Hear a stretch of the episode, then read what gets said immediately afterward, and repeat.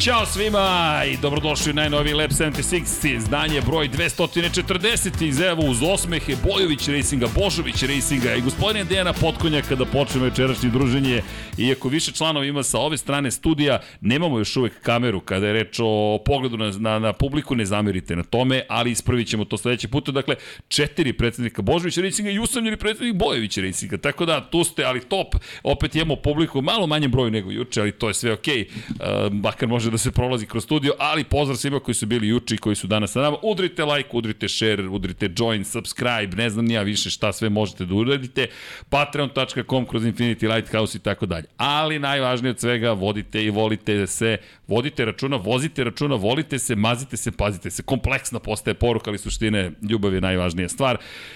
Oktobar je, roze mesec, ovdje imamo tri dame, dame i vama ću da se obratim, ali svim damama, a i svim momcima povedižemo svest o borbi protiv raka dojke. Nažalost, to je nešto sa čime se suočavamo, nije jedina bolest kojom se suočavamo, ali mesec oktobar je posvećen tome, da skrenemo pažnju svima u društvu, da to je nešto protiv čega možemo takođe da se svi zajedno borimo. Dakle, samo kontrola pod jedan, potom lekarski pregled, koji vrsta pregleda, najbolje će reći ljudi koji su zaduženi za to. Imate mnogo udruženja, onih koji su uspeli da se izbore sa tom opakom bolešću, pozdrav za sve te devojke dame i, i za sve ono što su postigle. S druge strane, imate mogućnost zaista kada odete kod lekara da vidite šta je sve neophodno, diagnostika je najvažnija za početak. Pa ukoliko nešto postoji, možemo da se borimo protiv toga. Ukoliko ne znamo, ne znači da se da ne postoji. Tako da znanje je uvek pozitivna stvar, čak i kada nas možda optereti, ali od tog opterećenja do, nadam se, rasterećenja. Tako da, roze majice su tu, deki standardno u polo majici, kao ja ti fenomenalno stoji, moram da te pohvalim i naravno tu je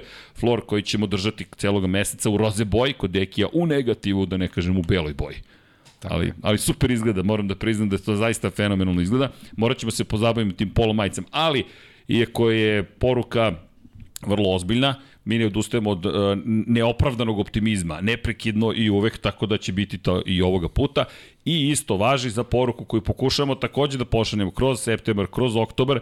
Deki ima nalepnicu UNICEF za svako dete, imamo narukvice, imamo još jednu nalepnicu i standardna već molba, verujem da ste već navikli, ukoliko ste u mogućnosti telefonski broj 9656, poruka 200 ili 500, postanete član kluba prijatelja UNICEF-a, to je mesečni donator. Dakle, nešto o čemu smo pričali prethodnog meseca i kažem, prosto ponekad zborim. Juče sam rekao za one koji su bili u podcastu Formula 1, znaju šta ću da kažem, ali ponovit ću. Bio mi je rođendan, e, 46. ušao sam u Rosijeve godine i razmišljam o tome, mama i tata šta su uradili za mene. Za mene nešto što je, no, nisu ništa uradili zapravo. Spavao sam kod njih, jeo sam kod njih, hranio se, jel te, 20 godina i kusur, ali dobio knjige, eno je od preko hiljadu i po knjiga, bilo bezbrižno, išao na letovanje, išao na zimovanje, pa to je valjda normalno, svi tako odrastaju, to je savršeno uobičajena stvar.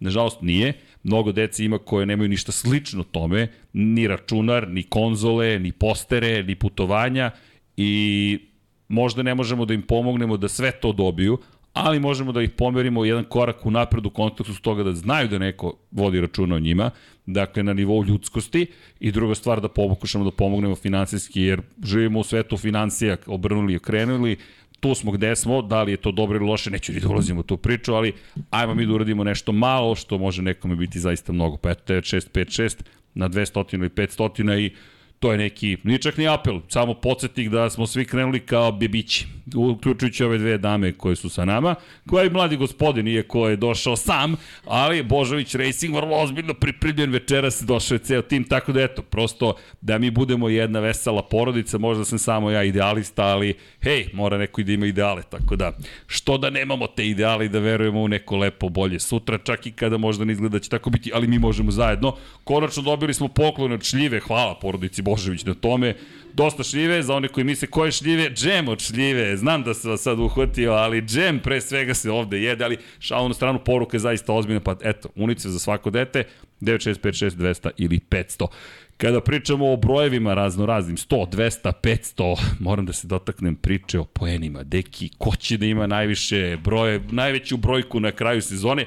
Nisam te konsulta ovoga puta, ne zameri, bilo jače od mene i malo sam bio netransparentan, ali sam napisao, mada možda upitnik nedostaje na kraju, početak kraja, Čerčilovski. Okupili smo se večeras da pričamo o kraju sezone. Ljudi, Moto Grand Prix šampionata, Moto Grand Prix klase, pre svega pričat ćemo i Moto dvojkama gde je drama takođe velika. U Moto trojkama možda i krunišemo novog kralja iza na Givaru, ali u Moto Grand Prix Tri trke do kraja.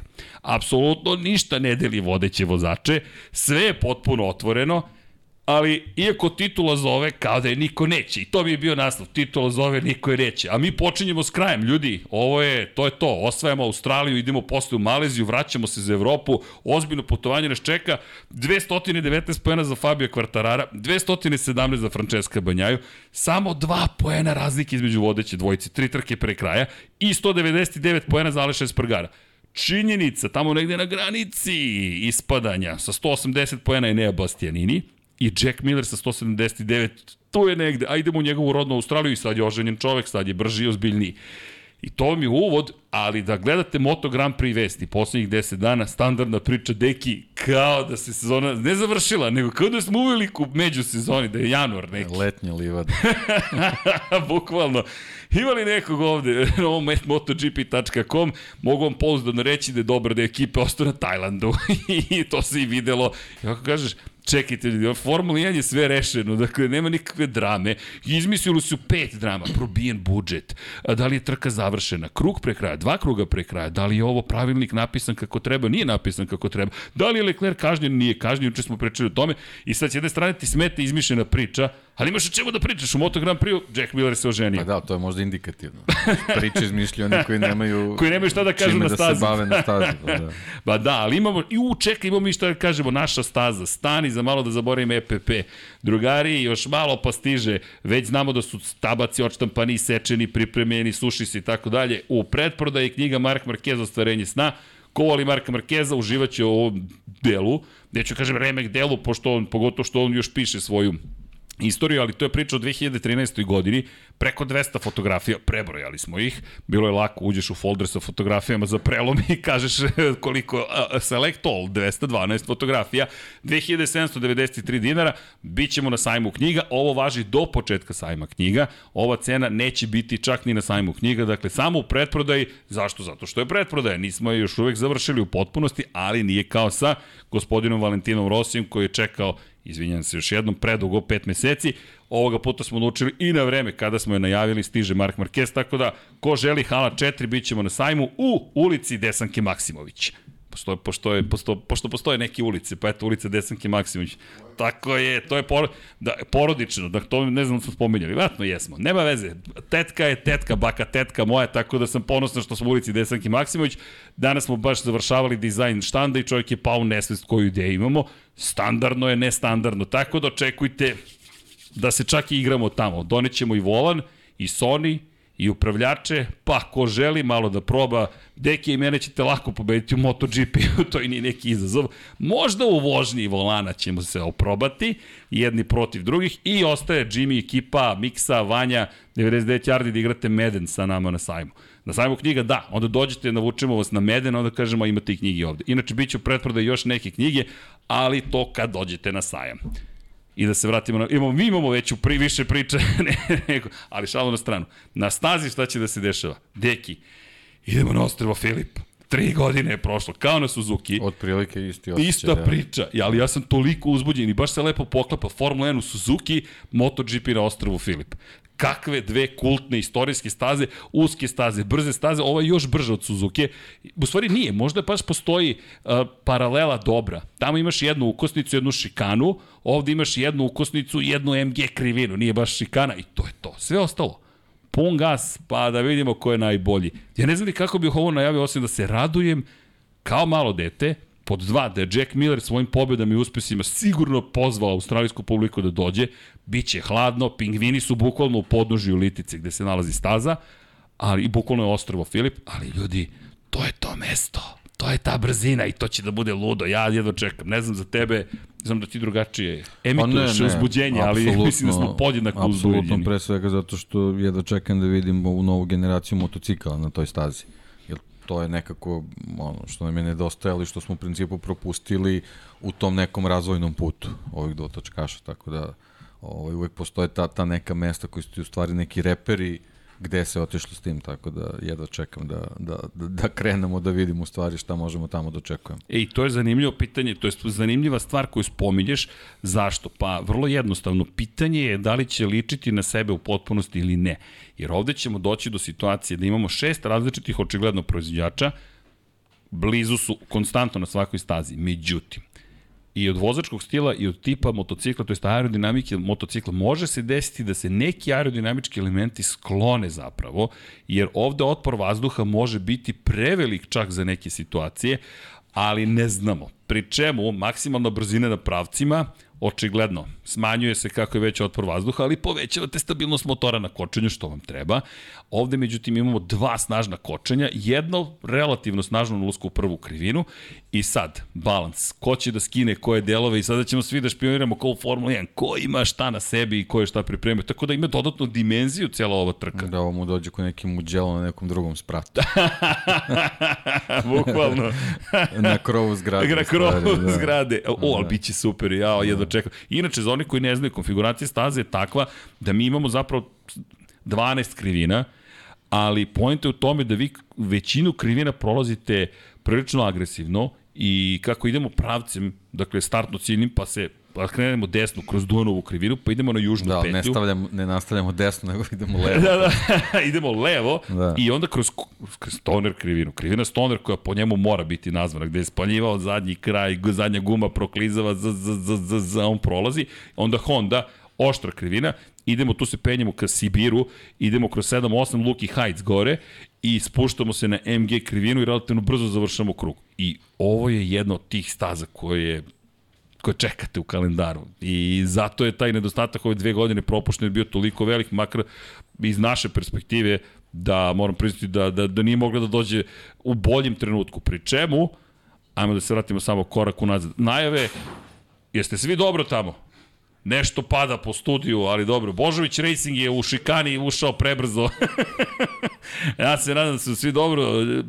Čerke odmahuju glavom, to znači, sigurno su roditelji krivi. e, ljudi, ali bar je vesela atmosfera ovde. Ne, nećete ih više nikad povesti u izlazak u grad. Ali tu je koleginica iz prodaje, inače koja je u sveže opronoj majici na kojoj piše koleginica iz prodaje. Nemoj se prehladite koleginice dan danas.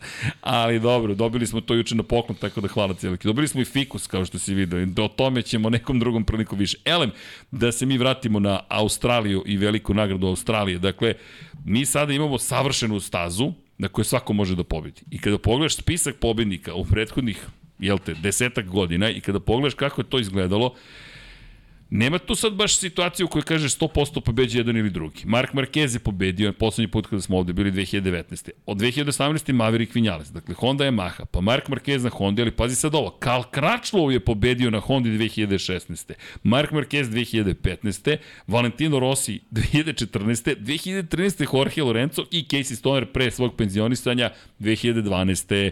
Međutim, Honda Yamaha, Honda Honda Honda, Yamaha Yamaha Honda, Honda i četiri godine u kojem je pobeđivao Ducati, da ne kažem Casey Stoner pošto je tada bio na Ducati. Inače šest pobeda ovde za redom Casey Stoner je ostvario, pre njega Marko Melandri i zanimljivo pet pobeda za redom Valentina Rossija.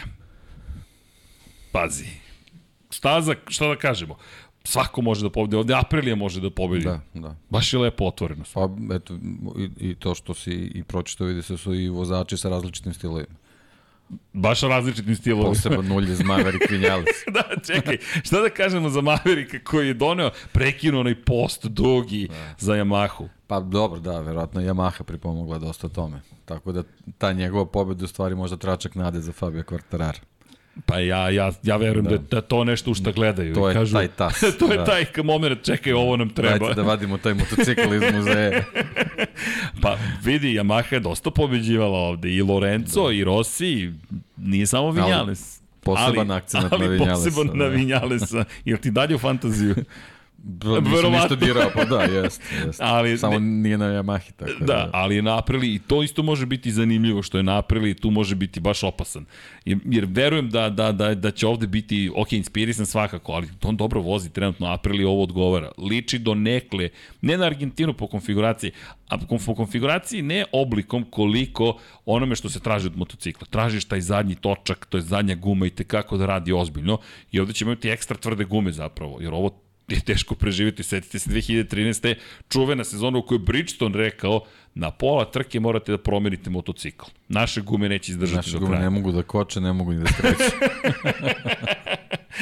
Baš veliki ne. problem tada je bio. I, i Bridgestone koji, i onda smo rekli, jedno čekamo da stigne Michelin, to se s Michelinom deć, neće desiti. Avaj, dođe Argentina 2015. i ista priča, na pola trke menjate motocikle. Čekajte ljudi, da li je realno da se ovo događa? Jeste. Zato poredimo Argentinu i ostrovo Filip i nemamo predstavu naravno ko će biti bolji ili loši. Ovo što si lepo rekao, mi ovu generaciju motocikala još nismo videli ovde.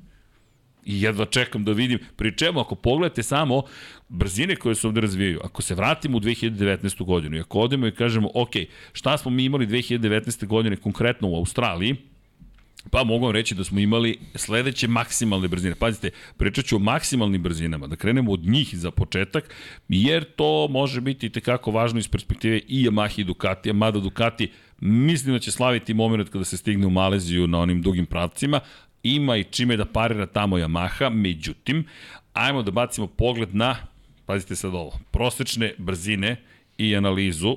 Dakle, šta nam kaže analiza kada je reč o Event Maximum Speed. Jack Miller, 346,1 km na čas. Karel Abraham, ko je zaboravio Karla te godine, je bi bio, Karel je prisutan bio, imamo opet istu brzinu u 0.1 km na čas na Ducatiju. Avintije. Karl Kračlov na Hondi, ista brzina. Andrea Dovicioza na Ducatiju, ista brzina.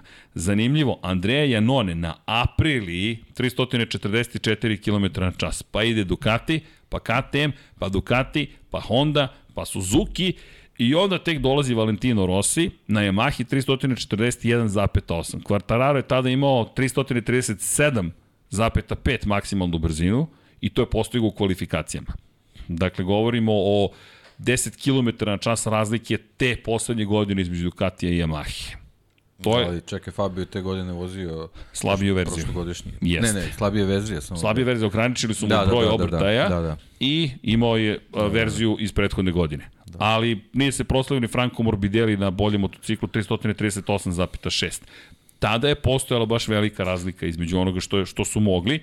Međutim, kada pogledaš samu trku, Marquez je čujte, Mark, to je specifična trka. Mark Marquez opet u najboljem mogućem svom izdanju, 11 sekundi ispred Kala Kračala završio tu trku.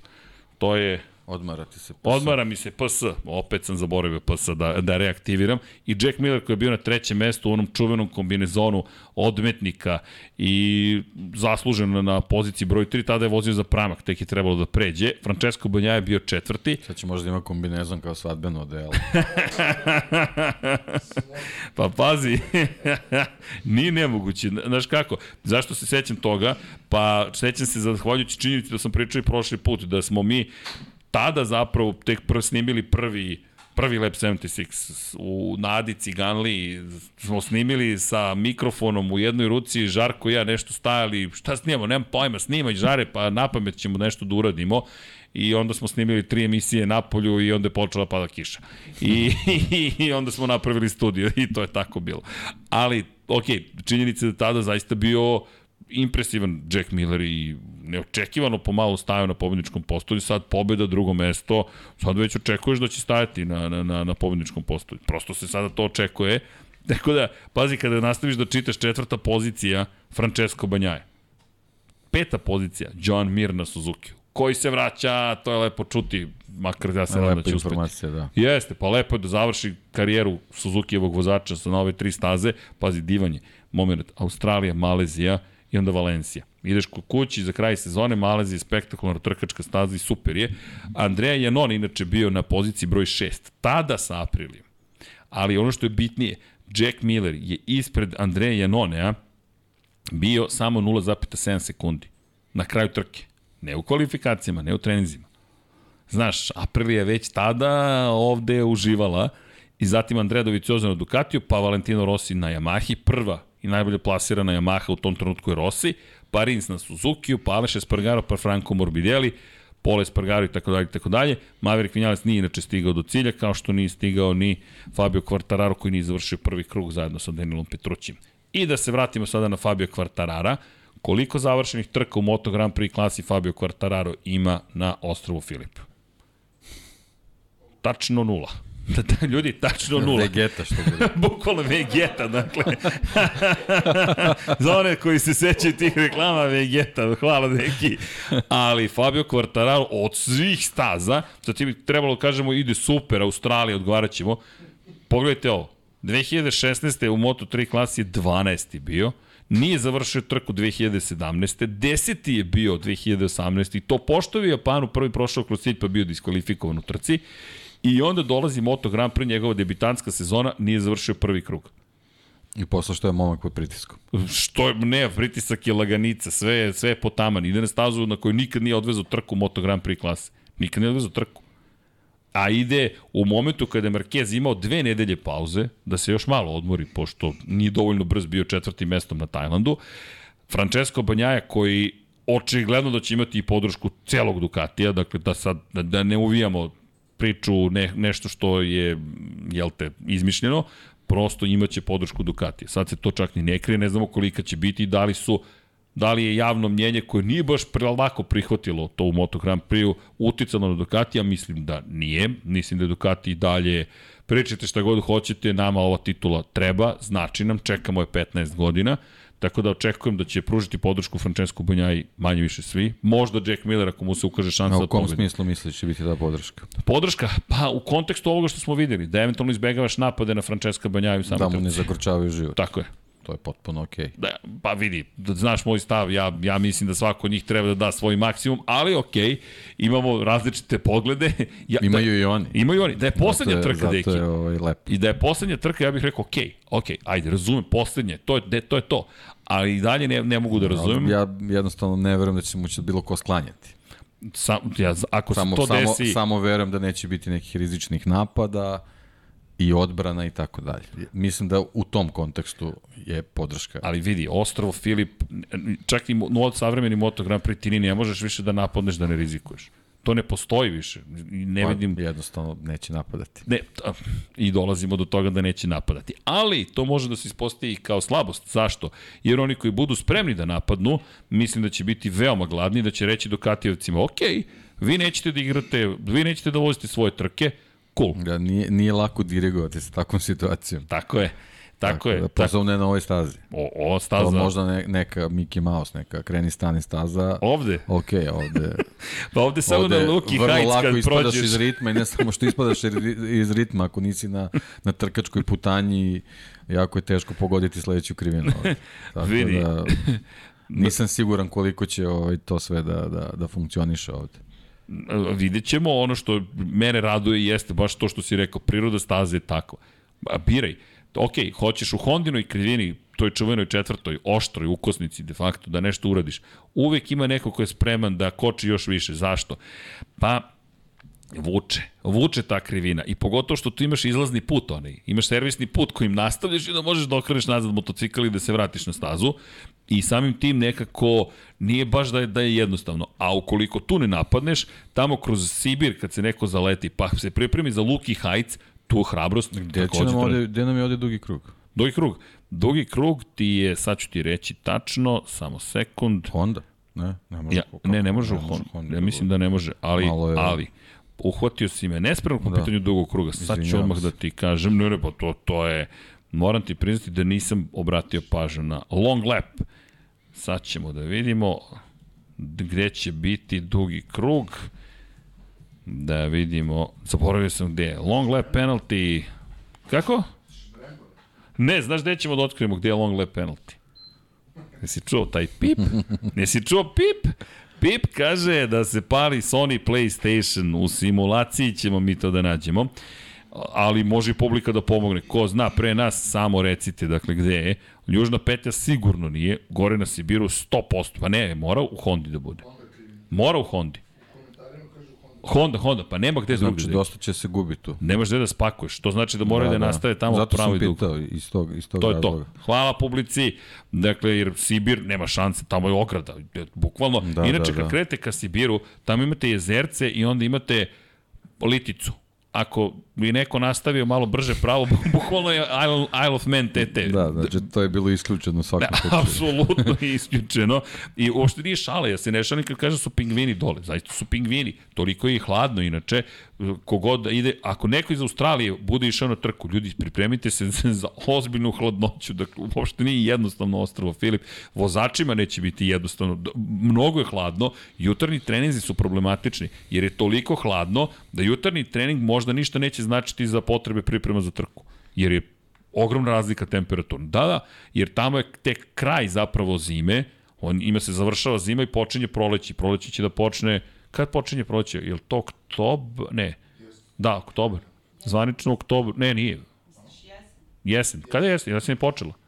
Ne, jesen. Pa jesen je počela. Dakle, njima je leto, uh, proleće počelo, kod njih je sad proleće i to rano proleće. I to je to. Dakle, zima se tek završila. Južna polulopta, okrugla je.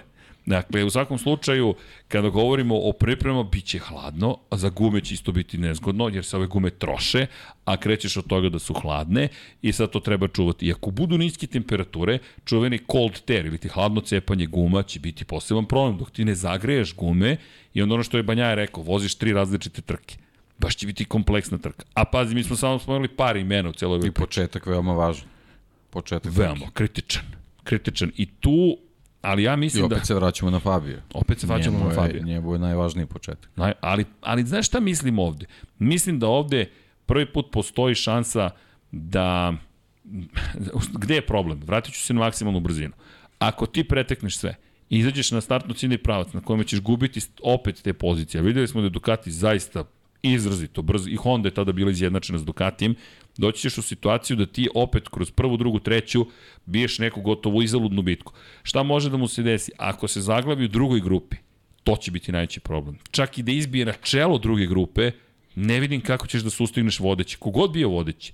Tako da opet subota, kvalifikacije, to će biti gotovo kritično. Inače, kada pričamo o kvalifikacijama, jedino s čime, o čemu možemo da pričamo jesu kvalifikacije od pre tri godine. Slušajte kvalifikacije od pre tri godine. Dakle, velika nagrada Australije u Moto Grand Prix klasi. Da li znate koji proizvođač je imao tri motocikla među vodećom četvoricom, bez gledanja? Tako je. Yamaha, pol pozicija Maverick Vinales, Fabio Quartararo drugi, Mark Marquez treći na Hondi, Valentino Rossi četvrti na Yamahi. Neverovatan rezultat. I onda pogledaš šta, pogledaš prosečnu brzinu i kažeš čekaj, prosečna brzina kolika je bila u celoj priči, prosečne brzine su zaista onako, impresivne. Ako pogledamo kompletnu ovu stazu zapravo, mi pričamo o visokim prosečnim brzinama, 182 km na čas je prosečna brzina. Jel imaš slučajno negde po sektorima? Po sektorima. Da. U, čekaj, sad ću da probam da otkrijem po sektorima koje su prosečne, misliš, brzine. Šta god. Šta god. Ili, ili vreme po sektorima. A, ajmo da godine. vidimo, pa pazi. Bilo, bilo kakva tabela bi bila dobra. Sad ćemo da vidimo po sektorima. Imamo najbolja vremena po sektorima, ovako. T1, T2, Maverick Vinales, Maverick Vinales, Maverick Vinales. Ovo su kvalifikacije. T4, Maverick Vinales. U svim sektorima bio najbrži Maverick Vinales. T1, T2, T3, T3, T4. Ubedljivo. Zatim Quartararo, Marquez, Janone, Kračov. Pazi, ja prvi Ja, u zato što sektoru ti 3. u principu imaš startni, startno ciljni pravac gde ti je ovaj, tačka merenja bukvalno na sredini. I tu Ducati ne može da, Da pokrije da ceo, uđe, da, tako je. da uđe, da pokrije Je. ceo taj sektor. Da. Jel to u stvari nije sektor, on je presečen. Tako je. Tako je. E Da, sad da, pazi ovo, da. znaš gde se završava prvi sektor? Na izlasku iz južne petlje. Dakle, ti si završio krivinu broj 2, to je prvi sektor. Tu Yamaha već može kroz brzu krivinu dole, pa u levo, pri čemu to mnogo da. zahtevna Pri krivina. tom tu bi trebalo da Ducati nosi brzinu. Ali A, treba skrenuti. A treba skrenuti. A, pod Zato upravljanje. kažem, trebamo, uh, mi nemamo informacije vezane za novu generaciju I motocikla. nemamo pojma kako će se stvari dešavati. Tu može ozbiljno iznenađenje da bude. Pa pazi, da, i može da bude očekivani da. Enea Bastianini takođe. Da. Izmamio sam ti osmeh, tako da, jer ja ovde vidim Eneu kao vrlo ozbiljnog kandidata za pobedu. Jer ovo mi liči na, nje, na tipičnu stazu za njega. Njegov stil vožnja, jer ovo traži, svaka staza traži hrabrost, ali ova traži onaj delić hrabrosti koji među najhrabrijima vas odvaja. A Enea to ima. Zaista ima. Inače, evo, treća pozicija po sektorima. Crutchlow, dakle Honda, Quartararo, Quartararo, Miller. Tek Miller na Ducatiju se pojavljuje u četvrtom sektoru, što je opet izlazak pa, iz... ubrzanje iz 11. krivine do... Znaš gde se seče? Da. Na prilasku MG krivini. Kako je MG krivina, tu se seče. Tu su i najsporiji. Skretanje desno da, i onda dakle, ide dva, dve krivine da, u levo. Da, da. I onda pun gas na startnu ciljnom pravcu. I dođeš do toga da zapravo tek tu se pojavljaju Ducati. Onda Petrući u, u sektoru 1, pa Rossi, Rossi, Marquez i, i sve izmešano. Vinjales nam je tu malo pokvario u kvalifikacijama i zaista bio neverovatan. Ali možda da ne gledam kvalifikacije koliko da gledam trku. Možda bi to bilo pametnije. Šta ti kažeš? Samo da vidim. Pa dobro, kvalifikacije ti mo, mo, hmm. mogu da budu indikativne zato što su to bili čisti krugovi. Da, da, nema, nema. Ti nema. u trkama ne znaš Teško. kakva je situacija bila, da ko je koga pratio. I... Pa evo, možemo analizu da, da bacimo pogled. Da li je bila borba neka, nešto. Znaš šta je zanimljivo? Najbrži krug Markeza u trci je bio 11. krug. Znaš, na primjer, tek u 11. Da. krugu on vozio najbrži krug so, sobstveni. 11. krug za Kračloa, Miller je vozio tre, u trećem krugu najbrži svoj krug, Banjaja u 10. Janone u 10. Mir u 12. Znači, dakle, u devetom krugu kreću gume da rade. To, to, to, to. Bukvalno da, ti da. vidiš kako da, se ponaša staza i ti moraš da budeš trpljiv. A Mile, spali, Miller je svoje spalio do devetog. Otprilike. Imaš Dovija koji je bio sedmi, koji je vozio najbrži lični krug u trećem krugu. Rins da. takođe, Rossi u devetom krugu, Aleš Espargar u drugom, Franco Morbidelli u desetom. Vinales. Vinales je vozio u 11. krugu znači, najbrži. to je recept. Ne, ne na početku spaljivati. Čekaj da vidim. Da li je... Ne, e, ne, na ovo gledam 2019. Čekaj da vidim aha, 2020. Aha. 18. Čekaj da vidim u 2018. šta se desilo. To mi je, to je zanimljivo. Maverick u desetom krugu najbrži krug trke. I eto da. vam priče o, o ostrovu Filip. Kad, kad možemo da očekujemo? Znači, samo polako. Samo polako. Da, ali to je upravo to. Hladno je, krećeš da. polako, nemoj da ih uništiš e, na početku. To je Bastianini, eto to što si rekao. Bukvalno, deki, no. kad on Q, druga polovina trke, krećemo u akciju. I sad, to ti je ko će biti tu naj Pa tu smireniji. pametno trebaju da igraju momci koji su u borbi za titulu u ozbiljnoj priči. Znači, ta trojica koju si naveo, oni moraju da... Što me dovodi do ključnog pitanja. Da. Deki, ko želi ovu titulu? Meni ovo deluje kao, kao da titula juri njih trojicu. Čekaj, evo, a ja, dođi, dođi Fabio, do, dođi Peko, dođi Aleš, što me niko neće. Bukvalno ti od kako se bliži kraj sezoni, bliže se tituli, njih trojice su sve dalje i dalje i dalje i dalje i dalje i dalje i dalje. Samo nestaju ljudi, bukvalno. I kako sad gledaš i kao, čekajte ljudi, hoće neko da zgrabi ovu titulu. Pazi, ona je sad bukvalno ko je spreman da zgrabi. Do sada je Banjaja bio najagresivniji. Čak i pad u Japanu pokazuje, jer ne bih da Ducatijeve odluke pokvare vožnje Pepe Kabanjaje. Ne, ne, Peko ne. je najagresivniji. Pa dobro, on je sam govorio. Mislim, mi volim, volim što, što tako izjavljuje, mislim, to je ipak nešto što ode u etar i što, što je, što je javna, poruka javna reč, njegova tako poruka je. je meni pomoć ne treba. I ne treba mu. I Čekaj. to mi je onako stvarno sjajan stav. Deki, četiri pobjede za redom. Mogu je do pet. Mislim, ne verujem da bi ikad, ikad javno rekao da, da, mu, da, da želi pomoć, ali s druge strane čutanje bi bilo ovaj neki znak da, da mu to odgovara. Međutim, on, on je javno istupio i rekao da njemu pomoć ne treba. A, a, a, a to je ono što želimo. Ali na ovoj stazi ne znam šta da mislimo pomoći. Nije završio 2013. 14. 11. Nije završio 2015. Nije završio 2016. Bio je 12. 2017. Bio je 12. 2018. I ono što je pozitivno za njega, najbolji rezultat. I najvažnije. I najvažnije, kada je seo na Moto Grand Prix motocikl i došao do četvrte pozicije. Hvala Dragoju Stanišiću kao i uvek za divne grafike i za informativne pre svega i pokazatelj negde da i njemu i Ducati je prijela poseta da, da. Australiji te da, godine. Treba im ovakva Rosijeva kaciga. Da. za, za ostrovo Filip, da, da, da, da, da, vrištiš bukvalno. Pa, a zaista je za vrištanje. Kad se približavaš ulasku u prvu krivinu, ja, se, ja samo uvijek kažem, ok, samo polako, momci, samo polako, jer ono što je fascinantno, da mi dolazimo do skoro 350 km na čas. Ljudi, skoro 350 km na čas, kada pogledate rekorde, konkretno na ovoj stazi, Evo, rekord je 348 km na čas. 2015. poslednje godine kada smo koristili Bridgestone gume, Andrea Doviciozo na Ducatiju. Čudna mi čuda opet taj Ducati. Dakle, jedna te ista priča, decenijama se već vrti u krug, ali to je jedna od tih staza. a mi imamo jedan dugačak pravac. I dalje prosečna brzina u kvalifikacijama 182,1 km na čas. Samo da ponovim, prosečna brzina je 182,1 na dva točka. da znaš, to je to, dolazimo do nivoa besmisla i to je ono što oduševljava naravno ostrovu Filip, jer ti kada to razvijaju? Pa kroz te krivine zapravo oni razvijaju preko 200 km na čas redovno. Pogotovo 11. i 12. Nekad se to smatralo jednom krivinom, sada se to smatra dvema krivinama, kako god, oni se neće ispraviti u, toj, u toj, te dve krivine, to ostajete na levoj strani pneumatika i ta leva strana mora da bude ekstra tvrda, bukvalno ekstra tvrda, to jest oni će da omekšaju naravno desnu, pošto imate samo pet krivina u desno, zvanično ih imate sedam u levo, ali te krivine u, u desno, pogotovo Hondina krivina i MG krivina. Od pet krivina u desno, dve su najsporije na stazi.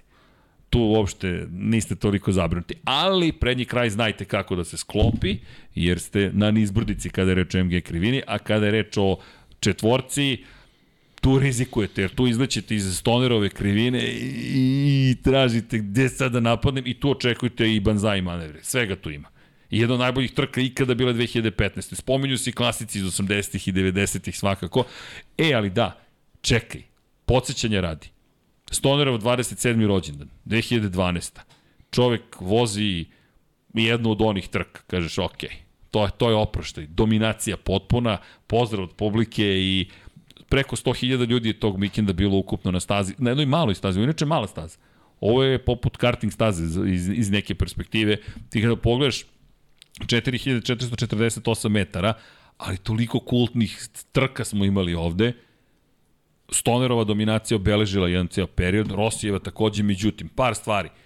Karl Kračlov na Ducatiju, 2013. godine, čekajte, meni je to, je li 13. ili 14. kada je Karl bio, Karl je bio 2013. na Ducatiju, druga pozicija sve do poslednjeg kruga, I, a tada se desilo šta? Karl Kračnoj je saopštio da prekida ugovor na polovini ugovora sa Ducatijem fabričkim i da napušta fabrički tim Ducatija i tada vozi za drugu poziciju svoju trku. Dakle, dobiješ otkaz u Ducatiju i onda voziš najbrže što si ikada vozio. Potpuno fascinantno. I ono što mi je takođe fascinantno, to je teo pričati što njemu ovo bila prva pobjeda po suvom, ako se dobro sećam, 2016. Pobedio je te godine u Brnu po kiši I onda pitanje, pa dobro, to je kiša. I onda dođe u Australiju i na Lučiće Kinel Racing Castrol Hondi pobedi. Kao, čekaj, šta, otkud, zašto, kako si ti sad ovo izveo? E, to je bio Karl Kračl u tom trenutku, zaista inspirativno. Inače, 4 sekunde ispred Rosije završio, Maverick Vinales bio na poziciji broj 3, ali, ali, na kom motociklu? A, trikovi, deki zna. Na Suzuki-u. Na Suzuki se popeo na pobedničko postolje i onda pobedio na Yamahi. Sad još napravili da se popne na pobedničko postolje i Maverick je ispunio, ispunio triling. Ali to je jedna od tih pobeda. 2000, ne, 14. 14. je Marquez pao, Rossi je tada imao čist put ka pobedi i da li je tada bio, ne mogu da se setim, ko je Kračlo? Ne, 14. je Kračlo bio na Ducati. 14. Da, mora da bude 14. 2013. je vozio za Tech 3 Yamahu sa Doviciosom. Ok, spojio sam. Spojio sam, ili mislim da sam spojio priče, kako god, idemo dalje. Ali činjenica da je, to, da je po tome specifična. Inače, ima tu još divnih trka. Sjetite se Marka Melandrija 2005. godine. Kakva pobeda to, ili ne, 2006, 6, izvinite, 2006. čuvena, kada potpisuje na izlasku iz poslednje krivine i Marko ovako daje pun gas, ovako, od, zadnji kraj ovamo, ono ovako Ćao drugari, evo mi jedan potpis za sva vremena. To sad više niko ne radi, ali koliko je i on siguran u to što radi. Inače, bilo je tu i nekih manje poželjnih detalja. Dva galeba su, nažalost, nastradala. Jedan 2015. jedan 2016. Jedan je dobio udarac glavom, bukvalno Andreja Janonea. Jedan nam se zaglavio u blatobranu. Uopšte nije, nažalost, naivno za životinje tamo, tako da se nadam da će ptičice ovoga puta se skloniti. I imamo još jednu stvar, Jorge Lorenzo, uh, koje te galjiv neka ne sluša narednih 30 sekundi, je imao cečen prst zapravo u poslednjoj krivini. Kolike su sile zapravo bile kada je izgubio kontrolu nad Yamahom, da mu je otkinut, bukvalno iščupan deo prsta i kada je skinuo rukavicu, video je da mu nedostaje prst. I onda je pogledao u rukavicu i vidio prst u rukavici. Srećno su mu zašili prst, istinita priča, jezivo je, ali samo govori šta ti ljudi proživljavaju i nastavio da vozi tog vikenda jer šta sad, malo mi se oceko mi prst, ne, ne, ali nije to nikakav problem, sad ću to da rešimo. I tako. I nešto na koga me podsjeća, na Troja Bailisa. Sećaš, on je u Doningtonu izgubio prst isto u rukavici, ali on je bacio rukavicu, koliko se sećam, i onda je bilo kasno. I tako. ali da, da, da, Troy Bayliss je poseban trostruki šampion sveta u Superbajku, e, ali Australija, pa mi to nekako spojilo sa celom pričom. Da, inače neće biti take ponovo zbog problema sa povredom prsta. Prsta, apropo, da. Da, da. već kod prstića, da. Da, bio je dosta kritičan Simon Peterson prema njemu. Da li je vredelo voziti? Znam Simone, ali da li kod njih racionalan? da, daj mi šansu da vozim, daj mi šansu da vozim, ali se slažem, šteta što neće biti take, ali okej. Okay. Ponovo prilika za za neka nova lice da se dokažu, ajde da tako kažem. Da. I sad hoćemo da nastavimo da budemo Ajmo. dosadni pa da pričamo o vremenskim uslovima. tako da sve ovo što se do sada rekao, Rekao pada ne u važi, vodu. pada u Pobedit vodu. će Miguel Oliveira. A drugi će biti Jack Miller. Brad Binder. Brad Binder. Prva dvostruka pobjeda KTM-a. da, da, Evo, da. trenutno je 15 stepeni pa to ti na kažem, Phillip Islandu. ladno je. Pada kiša na 97% teritorije, E, vlažnost vazduha je jako. 96%, vetar duva brzinom od 8 km na čas. I očekuju se padavine. Eto, da.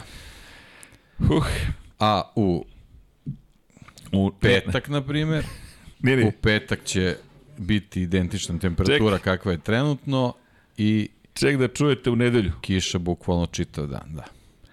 Ali najniža temperatura prognozirana, da. dnevna, za nedelju, a, nagrad, nije nagradno, ali naučno pitanje. Kada se formira kristalna rešetka u vodi? Na 4 stepena Celzijusa. E, toliko će biti stepeni ujutru, ujutru na ostrvu Filip, čisto da znate. Dakle, kako, šta nas očekuje, bukvalno smo na tački mržnjenja. 4 stepena Celzijusa je očekivana najniža dnevna temperatura. Najviša, visokih 14 stepeni. Ljudi, bit će hladno. 7 stepeni u subotu ujutro, očekivana najniža da. temperatura 12 najviša. Uz pojačanje vetra do nekih 7-8 metara u sekundu. U sekundi. Samo da napomenemo 7 metara u sekundi. Tako da očekujte da duva vetar, da bude hladno, da bude krajnje neprijatno i da se bore za titulu šampiona sveta. A možda je prognoza skroz pogrešna. A možda bude i sunčano i neko kaže čekajte, zaslužili smo malo više od toga, ali da, Miguel Oliveira u ovoj situaciji je favorit. Jel ga imaš u sadu fantaziji ti ja da ga Pa ne, ne mogu se setim kom je fan. Ja ne znam, mislim da sam ga ubacio nekad bio davno, možda sam ga izbacio. Ko to zna, nema veze. Ali da, trenutno pada kiša i pada će cijelog dana, u petak će padati, očekuje se smanjenje padavina u subotu, u nedelju lomi se rezultat, što bi se reklo. Tako da, da, kompleksan, kompleksna trka. 75 poena je još na stolu. Ljudi, u sve, celom, ali pazi sad u ovom celom haosu, deki, ja ovo moram da izgovorim, pošto prošli put to nisam izgovorio. I jače od mene. U celoj priči, Jack Miller i Nea još imaju šansu da se uključe u ovu bitku. Neverovatno, ali istinito. Oni bukvalno imaju šansu da se uključe. Pazi, 39 pojena Bastianini, 40 Jack Miller. Ukoliko Fabio ili Banjaja ili Aleš imaju lošu ovu trku, oni mogu čak i da se umešaju. A psiha... Posebno zato što je sledeći trk u Maleziji. Tako je. I, a Malezija otvara, tek Malezija otvara mnoga vrata. I tu vremenski uslovi mogu da odigraju ozbiljnu ulogu. I Fabio, ukoliko ponovo bude imao problema sa gumama, sa čime god, sa formom, sa Yamahom, mogli, bi, mogli bismo da dobijemo novog vodećeg u šampionatu za početak. S druge strane, Bastianini i Miller bi mogli zapravo da se uključuju u celu ovu priču. Neverovatno. Zato kažem, titula kao da kaže, hej ljudi, evo, ko, ko će titulu? U poslednje dve trke Kvartararo 8 pojena, Banjaja 16, Aleš 5. Enea 17. Enea je propustio velike prilike u Japanu i na Tajlandu, a Miller 45 bodova u te dve trke. Tri trke pre kraja. Bukvalno sve, sve je moguće, ono što si rekao na početku. Da li moraš da izmišljaš priču? Ne moramo. Ispričana je priča, sama se ovde namestila. Sve je savršeno pripremljeno za mega uzbudljiv kraj Ja, sezona. posebno mi je jako zanimljivo zato što apsolutno ne možemo da se oslonimo na bilo kakve rezultate iz nekog prethodnog perioda i da njih onako držimo za, za glavnu osnovu da, da je to neka predikcija šta će se dešava i u subotu i u nedelju, tako da Tako to je. je super, sedite, sedite, zavalite se, uživajte i, i gledajte. To je stvarno onako najzanimljivija stvar vezana za, za, za čekanje Philip Island. A ukoliko navijete za Jacka Millera, možda vas ovo raspoloži i pozove da gledate. Pobeda 2014. pre toga 5. 21. 23. To su 5 godine učenja. Skok u Moto Grand Prix sa Moto Trojke 2015. Pa 15. 10. 7. 7. treći na prethodnom nastupu. Uzlazna je forma kada pogledaš od kada je stigao u Moto Grand Prix klasu, pri čemu na Hondi je bio prve, u prve tri sezone takmičenja i potom je dve godine proveo na Pramaku i u poslednje tri godine zapravo fabrički vozač ekipe Ducatija. I raspoloženje očigledno za vožnje. Enea Bastini s druge strane nije završio ni završio 5. 8. 17. tako da ne, nemamo, kao što si rekao, istorijski neke podatke, baš da kažemo, znaćemo šta će biti, ali činjenice da je Nea neko ko, ko je drugačiji vozač u odnosu na ono što smo imali pre. Prosto ovo je sezona ozbiljnog sazrevanja. Mi pričamo o momku koji sad ima 25 godina i bukvalno je sve moguće. Inače, u Australiji bio 17. 2019. godine. Van, osva, van grupe osvajača pojena. Nikad na pobjedičkom da. postolju. I dosta odustajanja. Pa dobro, da, i čisto da bude zanimljivo vezano za neku trenutnu formu, Jorge Martin treba da, da bude neko koga treba da spomenemo pre svega zbog motocikla kojeg vozi, a i trenutne forme, naravno. I raspoloženja. Da. Jer, ne zaboravimo, Jorge Martin je rekao, ja bih se borio protiv Francesca Banjaje. On je jedini poslao poruku koja je suprotna većini Dukatijevih vozača. Miller je rekao da ne bi da smeta u celoj toj priči, da iako teoretska šansa postoji da se bori za titulu, to nije nešto o čemu razmišlja. Enea mislim da jasno stavio da mu ne pada na pamet da se zustavi u tom duelu, jednostavno nema ništa da, nema potrebe da govori bilo šta. Enea je napao i u Japanu, Enea je napao i u Aragonu. Enea je matematički tu, tako da tako je. to je legitimno razmišljanje. Potpuno. Jeste, i nema razloga to da pušta. To što je njegov Ducati druge boje u ovom trenutku Sorry. Apsolutno nema razloga da, da, tako je. da, da tako i on razmišlja. Pazi, u Mizanu drugi borio se do poslednjeg da. trenutka u Aragonu pobjeda. Zarko je pokazao svoj stav. Timski igrač, okej. Okay. To je to. I eto, Jorge tu do, nekako ovi VR46 momci, oni ovi, nisu, nisu spomenjali, ali nisu ti neki Pablo crni vitezovi, znaš, tako da... Ej, tu svašta malo da kao bude. garda, da, izgledaju da, da, da. malo kao garda, ali Pablo nije to šef ekipe rekao da je tim spreman da podrži Ducati. Tako da sad možemo samo da pretpostavimo da će i Beceki i Marko Luka Marini, Luka Marini. u fantaziju. No, ejo te. tako da, ako sluša ovo, da Luka, stvarno, da nema, nema da. smisla. Ali tu su, bazi, činjenica tu su. I naravno, Mark Marquez. I naravno. I naravno. Loše vreme, bez maksimalnih performansi, tu sam. Bukvalno tu sam. Biram gume na startu, tu sam. Tu sam. I bukvalno, da, i ti da. ga vidiš i on je na Tajlandu bio. S tim što je bio malo zreli, čini mi se da je rekao, ha, Ducati. I čovek koji ja mislim da uveliko je, znamo da sprema 2023. ali mislim da i psihološki priprema 2023.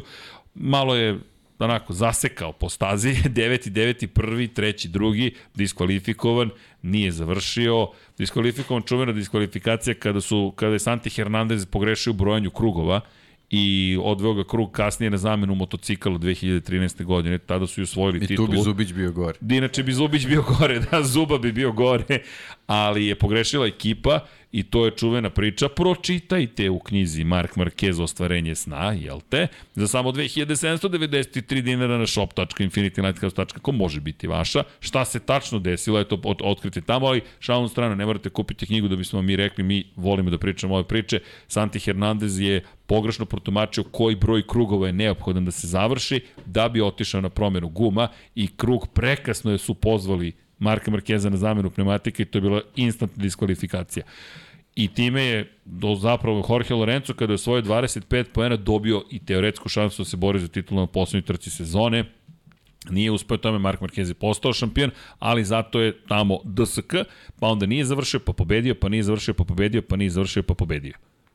I čuveni incident između njega i Joana Zarka na startnom ciljnom pravcu, zastrašujući incident.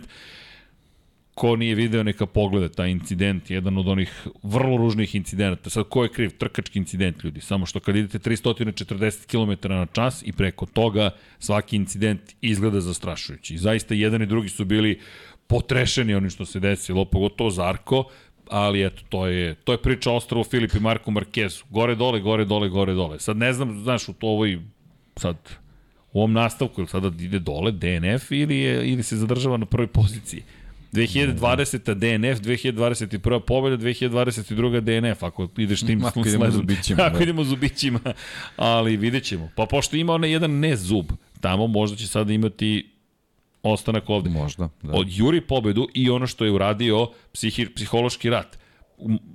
Koliko god je iskren, uvijek je iskren, dakle ili se trudi da bude iskren, ili makar tako sebe predstavlja, ali ono što je rekao, Ducati mora da iskoristi Ducatijev kup da osvoji titulu. Ljudi, to nije bezazlena izjava, to je direktna kritika na ono što se događa, ali izrečena na način da kaže, pa u Ducati kupu prosto mora da pobedi Ducati. I već je tu još političkih bitaka oko toga, ali to je njegova isto prosto borba protiv Ducatija, koja je već počela sada a sledeće godine ga čeka. Jer, zamislite sledeće godine, ukoliko se, na primjer, bore za titulu Banja i Marquez, i odjednom opet Dukatijevci uskaču u tu borbu, ako ti sada počinješ da govoriš da je to Dukatijev kup, da vršiš pritisak, da se to ipak ne desi, ti na vreme reaguješ za neke druge stvari. Čisto da, ako smem da dam sebi pravo da tumačim malo između redova koja je poruka. I to je ono što sada druge fabrike moraju i rade, ali eto, to je bitka, zato je uzbudljivo šta se sve dešava. Odmahuješ glavom, jel, mi, jel sve u redu ili da ne pitam? Poluvreme. O, I Liverpool igra večeras, ko ne zna, Deki je veliki LFC navijač i ne vredi. Ko je izmislio termin utorkom i sredom za Lab 76? Nisam ja, ali izvini Deki, zaista niko nije očekivao da ćemo se družiti u ovo vreme. Snimali smo ujutro utorkom i sredom, ali onda je nekom palo na pamet, pametnjakoviću da radimo live i tako. Šta će ti, dešava se, pogreši čovjek. Ali Pa dobro, hvala ti iskreno na u ovom podršci. tempu, pravo da ti kažem, nisam siguran da bi preko dana mogli da snimamo. Ne, ovo da, da, da, da, da, Tako da, da, preko dana sigurno. Sve ti je oprošteno. Možda. Hvala. možda, ne, ne, ovo je datak, jel? Udrite like za ovo možda. Ali da. U svakom slučaju, spisak, sad spisak, ko sve može da pobedi, ba možemo da čitamo sve praktično. Znaš, u celoj priči Markeza zaista ne smemo da zaboravimo i Aprilije, ja zaista mislim da Vinjales, naravno vremenski Kad je uslovi- lakše, reci koga smemo da zaboravimo. Koga smemo da zaboravimo? Da, pošto ovako kad kreneš da nabrajaš, Pa možemo ovako Franka Morbidelija, nažalost, Fabio Di Antonija, cenim da možemo da zaboravimo. Ja ne znam da li se slažeš sad sa mnom, ali mislim da zaista od njih ne možemo baš da očekujemo da će sad odjednom se sve preokrenuti. kakav je DJ bio u Muđelu. Ok, ne smemo da zaboravimo Fabio Di Antonija. Ako smo već spominjali Ako smo već spominjali Muđelo, ok. Da. Pa koga da zaboravimo da deki? Šta? Takaki Rakagamija koji ne vozi, Dobro. Franka Morbidelija koji ima ukupno 31 poen za celu sezonu, Derina Bindera, De, Dovicioza, pošto ne vozi. Ne vozi da, on, da. Dovicioza ne vozi. Kala Kračlo ne smeš da zaboraviš. Tako je. Alex Marquez. Pa dobro, Pa. da, ajde, dobro. Ne znam, Pole Spargaro. Pa spominjao si ga.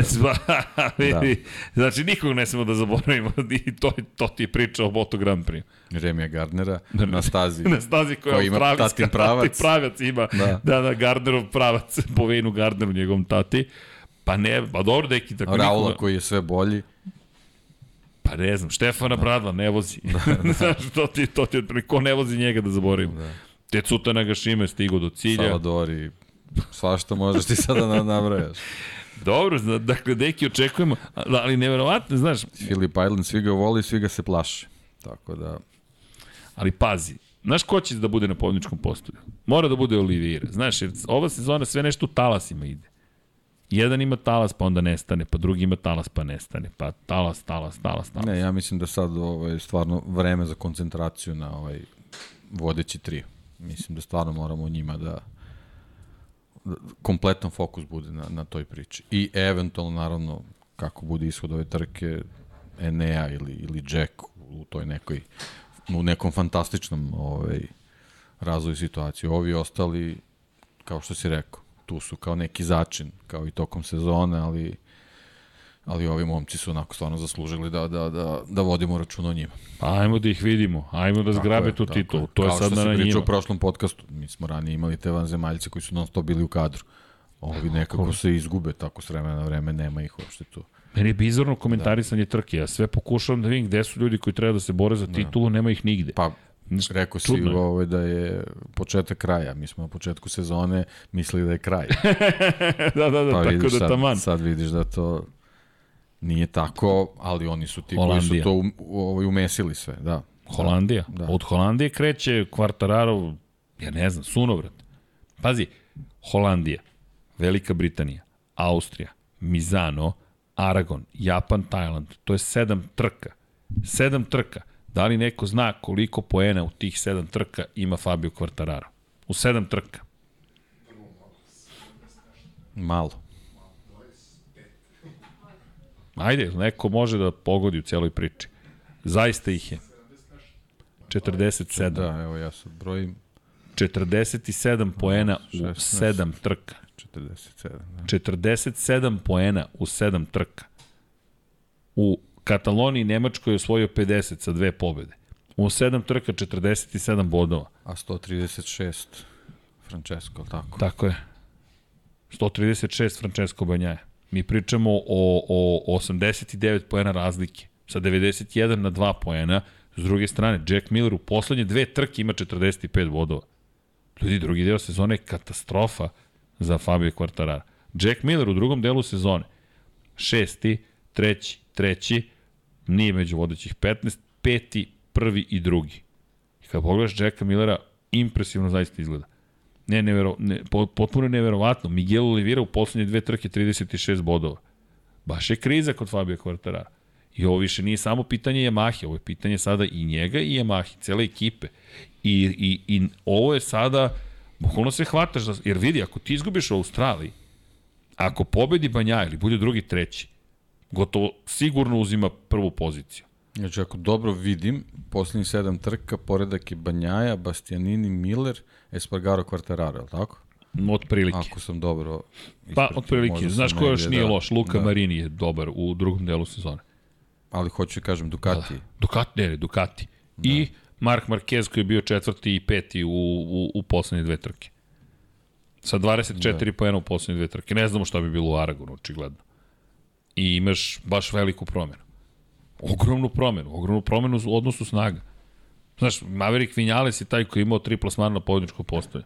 Vinales ima više poena u drugom delu sezone. Nije baš da govorimo o čoveku da. koji je imao laku sezonu ili koji je na baš mestu koje je planirao da će biti ove godine. Do, naravno, planirao je kada je dobio otkaz u Yamahi, ali do tog momenta ne. I nije da popuštaju rezultatima. Tako da je ovo baš ozbiljna situacija, veoma ekstremno ozbiljna situacija za Fabio Quartararo. I najveći test u karijeri. Jer vidi, deki, ako on sada izgubi dobijenu titulu de facto, znaš kako to utiče na tebe? Kako, koliko god bio jak Fabio Quartararo, kako to utiče na tebe? Šta se desi sledeće godine, kada Marquez bude potpuno oporavljen? Kako ulaziš u tu sezonu? I kakav je tvoj odnos sa Yamahom? Šta kažeš Fabrici, ili kažeš ovo je sve super bilo ove godine, ili kažeš na nečemu moramo da poradimo? Jer ovo je sada postalo i pitanje fabrika. Ducati možemo da može da nam bude drago ili krivo što ima osam motocikala istih, ali nekih osam momaka ima jedan sjajan motocikl da se trka. Samo dok nema timskih naredbi sve u redu, što se mene tiče. Jer to je onda trkanje. Imaš Hondu koja se negde izgubila, imaš Yamahu koja se takođe negde izgubila, imaš Apriliju koja naj, da kažemo, konstantnije napreduje. Ali okej, to, to je priča koja, koju ćemo pričati 2023. mnogo više. Samo mislim da je Australija zaista mnogo važna. Mnogo, mnogo, mnogo važna. Pogotovo što kada se vozi, ljudi, ajmo ovako, kalendar trenutno u, u, u 2022. godini. Šta nam kaže iz perspektive toga šta nas očekuje u nastavku sezone? Gde mi, deki, idemo posle ovoga? I kada? To je ono što je važnije pitanje od svega. Mi za sedam dana smo već u Maleziji. Nema odmora. Psihički ne možeš ti da se odmoriš, nema pauze.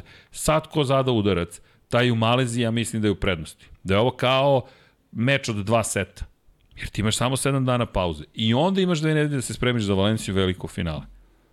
Ali u ovom periodu, uf, na ostrovu Filipa, na Sepangu, ti treba da se ozbiljno boriš. Ljudi, spremite se za jedan od najvećih duela, ja mislim, u istoriji Moto Grand Prix-a. Bukvalno. Jer ovo je potpuno otvoreno. Potpuno otvoreno. I ne bi me čudilo da Jack Miller, koliko god govorio, ma ne, ne, ne, ne razmišljam o tome. Koji trkač ne razmišlja o tome da može postane šampion sveta? A odlaziš iz Ducatija na kraju sezone i ideš u realno nepoznato. Ne znaš gde ćeš biti s KTM-om.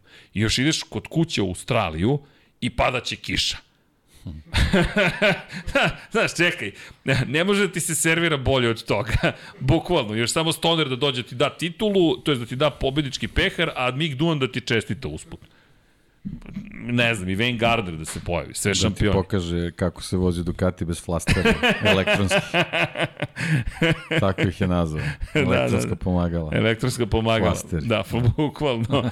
ali, ali vidi, koliko god cela priča svi, meni Miller ovde, i nikad nisam verovao da Jack može do, tih, do, do ovoga da dođe. Nikada, pa, zaista. Sa konstantnom vožnjom ljudi koji su ovaj, konkurenti za tituli ne bi došao, ali pokazalo se da ove godine ovaj, 2020. nema, nema konstantnih vozača. Nema. Osim Banjaje koji je iskočio sa, sa brojem pobeda ali niko njega ne postoji konstantno. Ne, on posle, evo, pa pazi, sečeno onim padom u Japanu. Japanom je uprskao sve, da. Znaš, Japan da nije da. padom bi već bio vodeći u šampionatu sveta, što opet psihološki ti menja da, poziciju da. u kojoj se ti nalaziš. Ali dobro, to su, pričali smo, nećemo, nećemo da, te stvari sad, da, da to je, ne, da, nema kraja. Kvartararo nije bio pogrešno vreme na pogrešno mesto u Aragonu i njemu bi sad lakša situacija bila, ali bio tako, je. jednostavno tako je.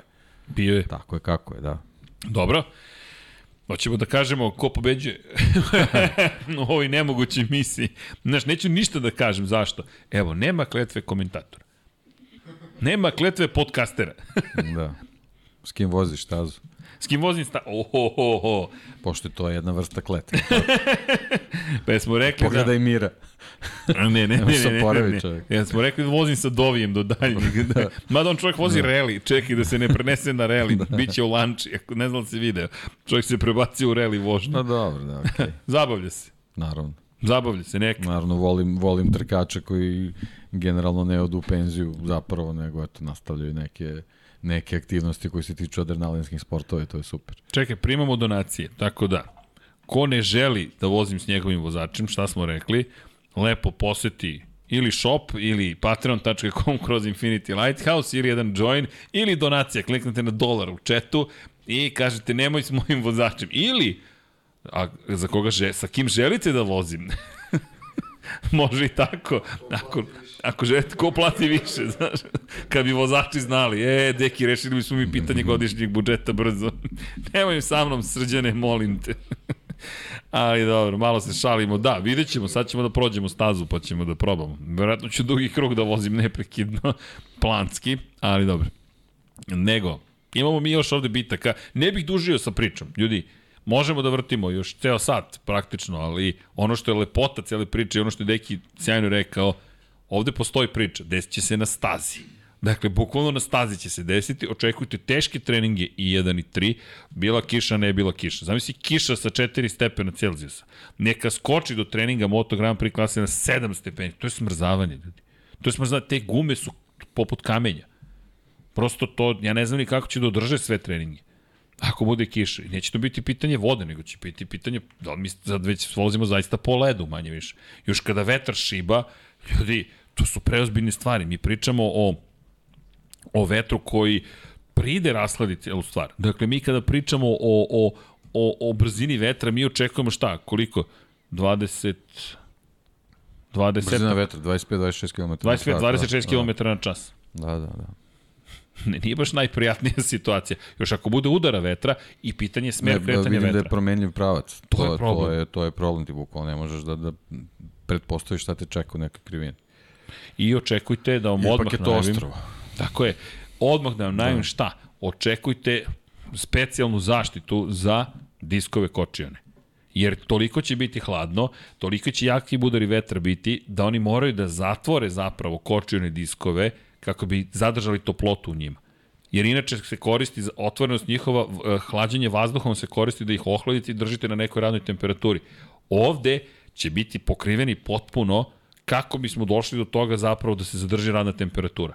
I to me dovodi do najbrže tačke, to jest najjače tačke kočenja i Bremba, s obzirom na činjenicu da ćete da vidite gde se to najsnažnije koči, hvala italijanskoj kompaniji Brembo, koji inače većinu vozača, mada mislim da sada već sve vozače snabljaju kočnicama već neko vreme. I evo ga, Ostrovo Filip, ljudi, 12 krivina.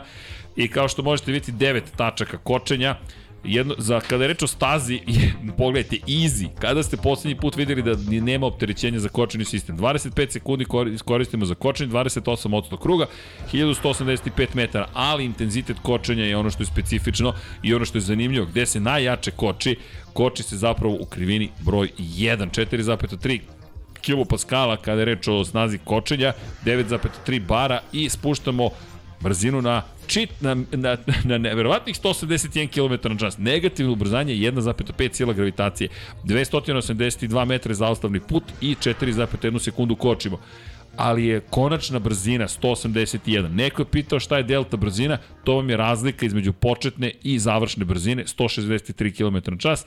Već smo spomenuli ostale podatke, ali ljudi, ova staza, čak i kada ukočite snažno, vi imate 181 km na čas. Fascinantno. I onda dodajete gas posle toga. Ljudi, 181 km na čas je konačna brzina prilikom kočenja. Pa gde to ima? I još to nije najsnažnija tačka kočenja. Besmislena staza savršena, rođena za motociklizam, pravljena sa tom idejom. Inače, Luki Hajc, po čoveku koji je spasao stazu od propadanja, nije neka velika staza koja ima veliki broj gledalaca, 50.000 maksimalno može da ih dođe. Teško je doći do staze. U, u, zapravo to je najveći problem. Ko, ko će da stigne do ostrava Filip? Čak su otkazali trke, ljudi otkazali su trke super automobila, što super cars u Australiji, to je najpopularnija forma takmičenja automoto. Čak se ne vodi više ostrovo Filip, jer gledalci nisu bili spremni ni za super, auto, super cars da dođu na ostrovo Filip. Bukvalno, jer je nemoguće udaljena. Kad bi mogli da presele negde drugde, bilo bi popularno. Ovako svi kažu, deću s pingvinima, bukvalno. I treba stići do tamo. Ali ovi pingvini će da je čekaju i ja želim da sledeće godine budemo u Australiji. E, inače imate pozdrav od Miodraga Kotura, Tako da znate, gospodin Kotor se javio samo Samo je rekao, hladno je. to je ceo komentar bio. Hladno je, ali sve ok. Tako da se, oni inače spremaju, ja mislim da ćemo u Moto trojkama vidjeti veliki broj točkova, to jest bukvalno točkova koji, koji su potpuno zatvoreni kako bi se povećala maksimalna brzina na pravcima. Što može da se desi da ćemo vidjeti i kod Aprilije pre svega u Moto Grand Prix. I apropo aerodinamike, deki, baš me zanima ko će koje rešenje da koristi. Da. Znaš? Da Suzuki je pripremio neka neke aerodinamičke ovaj, novitete, tako da vidjet ćemo. Mislim, dobro, oni, oni u, u skladu te njihove najave da, da će do kraja sezone raditi ovo kao da kao da ostaju tu, ovaj, pa eto da vidimo, šta znam. Ej, vidi, možda neko... bude zanimljivo, možda se nešto i tu desi. Znaš šta je tu meni, koja mi, koja mi je ideja u glavi? Kao što smo rekli, ko nije u korporativnim budžetiranjima bio, ne zna o čemu možda pričamo, ali stvar funkcioniše ovako, kada si izbudžetirao nešto, to moraš da potrošiš. Znam da zvuči gotovo sumanuto, ali potrošit ćete pare, bolje ih uštedite. Ne, ne, ne, ne, ne. Kad je izbudžetirano, niko ti neće tražiti opravdanje što si potrošio budžetirano. Ako pređeš budžet, zašto si ga prešao? Ako ne pređeš budžet, zašto ga nisi prešao? I onda ide ta interna korporativna igra. Nisi iskoristio svoj budžet, sledeće godine nećeš dobiti ni taj, a kamoli povećanje. I onda šta se događa?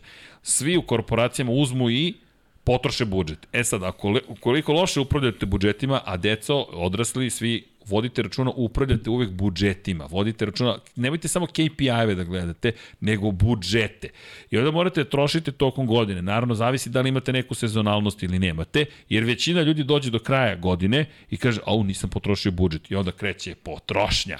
I onda svi prodaju sve svakome Slavi u četvrtom kvartalu. Godina, Slavi pokloni, se, pokloni, haos. događaj, ludilo. Dekiju ti treba gitara, treba mi gitara. Kupite gitaru Dekiju. Zašto? Pa da potrošimo ovaj budžet. Ali ima smisla? Pa treba mu za studio. Eto, to vam je opravdanje. Pa dobro, to zvuči logično. Dajte mu gitaru bukvalno na tom je nivou. E sad zamisli nekog u Suzuki kom je neko rekao imamo ovaj budžet do kraja godine.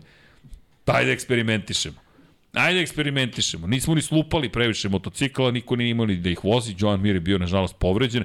Ajmo mi sada Jedan da izmišljamo. Jedan izgoreo samo, sve okej, okay, ništa strašno. Da, dobro, malo. Jedan, pa dobro, neki. Ali zamisli kod dok su ga doterali, do kojih granica kad je on izgoreo. Pa dobro, da, verovatno bi možda i neki test, ko zna. Da. Ej, Zamisli inženjera, sada, pritom, ne kažem da su ovo inženjeri u Suzuki, ali ja da sam u Suzuki i kažem, pa dobro, zatvorili smo ceo projekat koji je potencijalno mogao da bude mega uspešan. Ok, sad ćemo ovo da guramo do kraja, da istestiramo sve što možemo da istestiramo. I Alex Rins pobedi. E, to bi bio oproštaj od sezone. Suzuki, this one's for you. ali volio bih da neki Suzuki pobedi do kraja sezone. Znam da je nemoguće, ali zamisli samo Alex Rins ili John Mir. John Mir u Valenciji se penje. I svi se bave titulom, Mir Mir u fazonu. Zna se ko je pobedio. Drugi put u karijeri u Moto Grand Prix. Ali ima mnogo pobjeda iz Moto Trojki i, i veličanstvene sezone ima u Moto Trojkama. Čovjek koji i dalje mislim da može biti zaista veliki i jeste veliki veći šampion sveta Moto Grand Prix klase i Moto 3 kategorije. Tako da, Joane, učini to, pobedi. Bilo bi, bilo bi mega zabavno u celom cirkusu da se pojavi Joan Mir i kaže hvala. A sad odoh u Hondu. pa da vidimo. Deki ima osmeh na licu. Drugi put večeras, to je... Jer Liverpool ili... Nije? Uf, zaboravio sam, čekaj. Nemoj da ti kvarim. uh, to je bio uzda. Da, dobro, sve je okej. Okay. Sve je okej. Okay. Dobro. Sve po starom. Sve po starom, ok, ne znam šta to znači, ali dobro, nadam se da, nadam se da je u redu. Elem, Deki, imamo mi još ovde stvari. Ima još, hoćete sad da vozim ili da idemo na moto dvojke? Šta ćemo? Vožnja. Da budemo u drami Moto Grand Prix-a. Čekaj da vidimo. Moto GP, sešću ovako. E, srđene, možemo da prikažemo ekran da se vidi. I koga biram? Da li neko donirao neke pare? Šalim se, naravno, ne vrate ništa da donirate, ići ćemo na penzionere. Mislim da je to u redu, da se ne mešamo iz studije na kraju univerzuma u celo ova događanja. Ali samo da znate, čovjek koji nasledio Andreju Dovicioza ili Tikal Kračlu odlično vozi. Možda sam njemu pomogao. Pazi, sve je moguće. Dok, dok prođe ove udne špice. Klik, klik, klik, klik, klik, klik. Warning. Ajde da vidimo, da li sam išta naučio od prošloga puta. Jadan, Mateja, pokušao čovjek da me nauči, ali... Džaba. Gospodin Zorić, ima još jedan momak Nikola, odvezao je sa, u posebnoj livreji koju je koristio Casey Stoner 2009. beše, a što je bio dobar taj Ducati u belim bojama. Da, to je lepo. Nas će Jack Miller da se pojavi u nekom tako posebnom Ducatiju, da ćemo videti baš evo, evo, evo, Dijan Antonijov motocikl se pojavio. Dakle, idemo na quick mode. Šta kaže quick mode? Time trial, select rider, MotoGP. U, ček da vidim. Da odem na MotoGP Classics. Jel ima to? Jao, deki, hoćeš tu stroke. A? Pa probaj, ne znam. Ajde da probam. siguran kako ćeš to uspeti. Ali... Sa Duanom, evo. Može sa Duanom. Može. Ajde. Vozi, ovo nema pojma kako će da izgleda, ali bitno je da pokrežemo stazu. Ovde nema Uplašeno me gleda kroz ovu kacigu. ali gotovo. Ma, Nema mu pomoć. ne, Mik se nije s ovim još susreo. Ajmo da vidimo. U, nema zvuka. Nema veze. Šta će meni zvuk? I sad će autopilot da mi u sred krivine da, da, da upravljam. Ne, neće, dobro je. Šta je ovo? Jesam, a nije, nisam izabrao Astrofili. Da, ovo je Motegi. Motegi. Da. Uf, čekajte, izvinjam se. Kod izabrah Motegi? Izvukao se Dun. Sad ćemo mi to da rešimo. End session. Dobro. Continue. Ajmo mi. Uh, select track, to sam zaboravio da uradim. Australija. Idemo, start time trial. Sunčano je. Ili bi trebalo sada da vozim po kiši, zato što će padati i kiša. Ali nećemo se igrati. Flying start. Ajmo, Miki, idemo u akciju.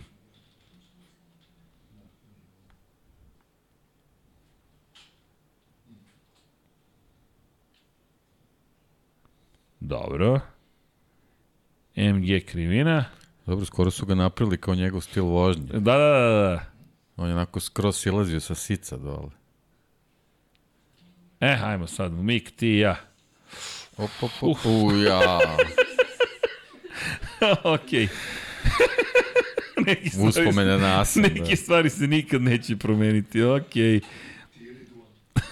Uf, o, ovo je, o, ovo je two stroke je nemoguće, pazi, ovo je, ovo je na nivou nemoguće, ali dobro, kad sam već krenuo, bit ću nežan na gasu. Opa. Uf, Evo ga i zvuk. Evo ga zvuk, zvuk me, zb- zbunio me zvuk. Ne, mislim da ću morati da promenim motocikl dvotaktaš. Okej, dobro, dobro. Vratit ćemo se.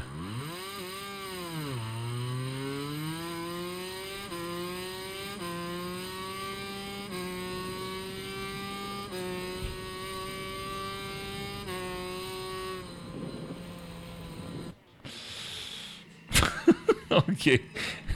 Pre, previsoke su brzine za ovo. Ne, ne, izvinite, moram ipak da... Ne, ne mogu, ne mogu, ne, ne umem da vozim ovaj motocikl definitivno. Uf, baš sam, ko mi je rekao da sam noob, definitivno. Ima prednja, zadnja, ima svega, ali nećemo se šaliti srđane, nije to do kočnica, veruj mi. To je do nečeg drugog. Nego, gde je Andrea Doviciozo? Evo ga dovi. Andreja. Idemo ti ja u akciju. Sa pobedničkom Yamahom. Pa sad da vidimo kako će to da izgleda. Dobro, ovo će biti malo bolje. Ne mnogo.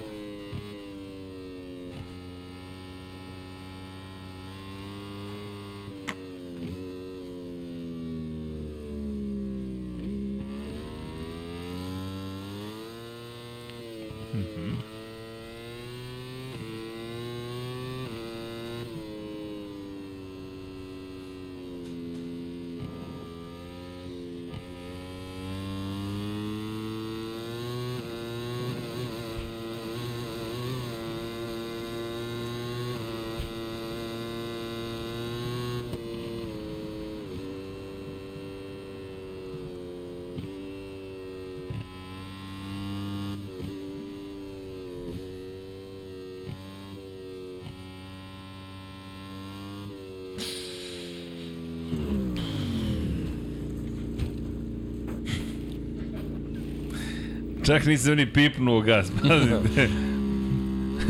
Jesi slušao krivinama? Samo sam promašio krivinu celu. Sam. Da, to nije baš najbolji izgovor, ali...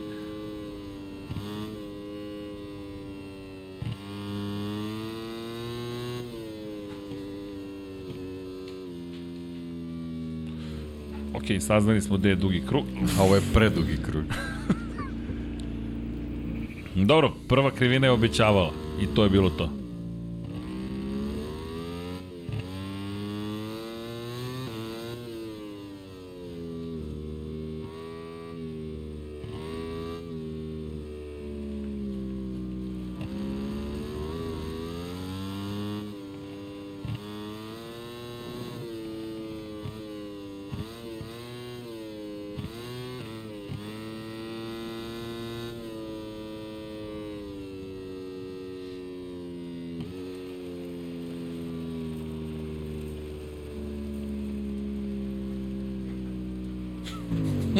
Nigde staze. A priznaj da si tražio i čekao da se pojavi i čekao i čekao. Stvarno sam se poradao da će uskoro negde... I zeleno, i zeleno, i zeleno. Ali džabe, džabe, ne, ne, ne, deki. A prejako je. Da, mnogo sam lošno. Mnogo mi jezivo, ovo je baš grozno. Jadan čovjek. Anti-show, tako zovem.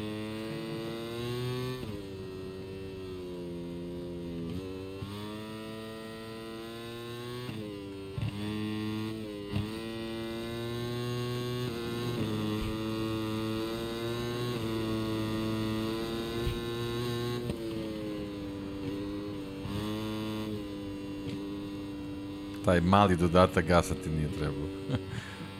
Evo, dobro je.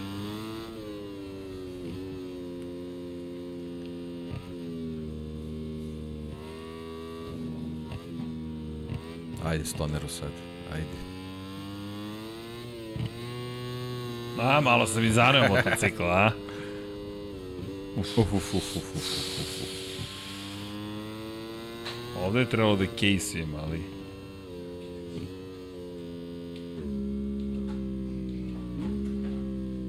Što se buni kad sam išao dugim krugom?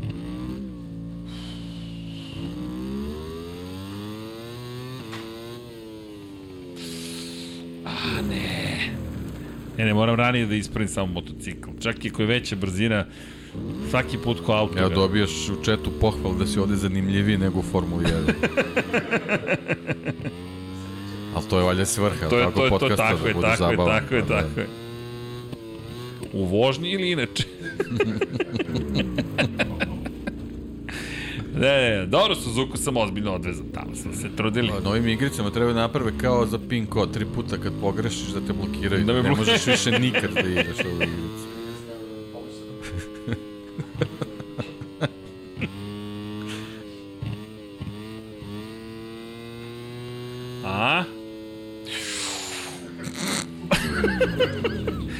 Bar ne pušta da ide do ograde više, mada je doleteo do ovi.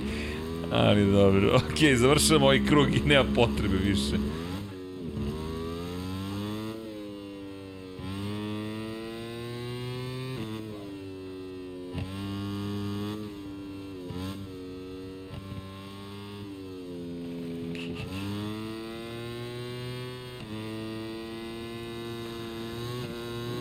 Da, nisam spuštao zadnji kraj, to je problem. Sad sam ga spustio.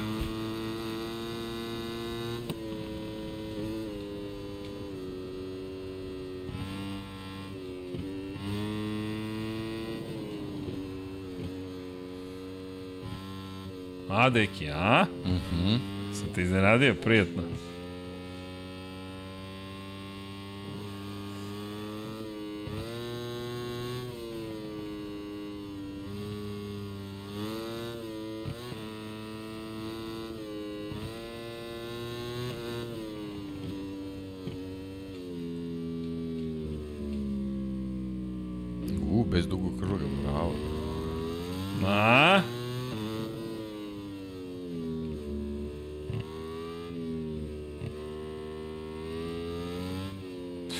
Voliš prerano da daš gas, to ti je, to ti je man.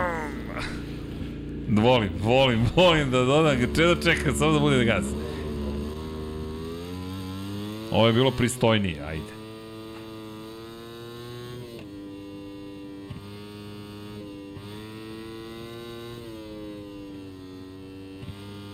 A jedna od ovih krivina se zove Garden Shed, zato što je tu bila bukvalno šupa baštenska.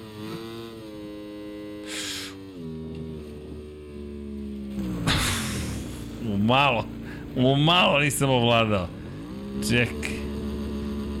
Ali je sad lako, ovo ti sad melandri faza.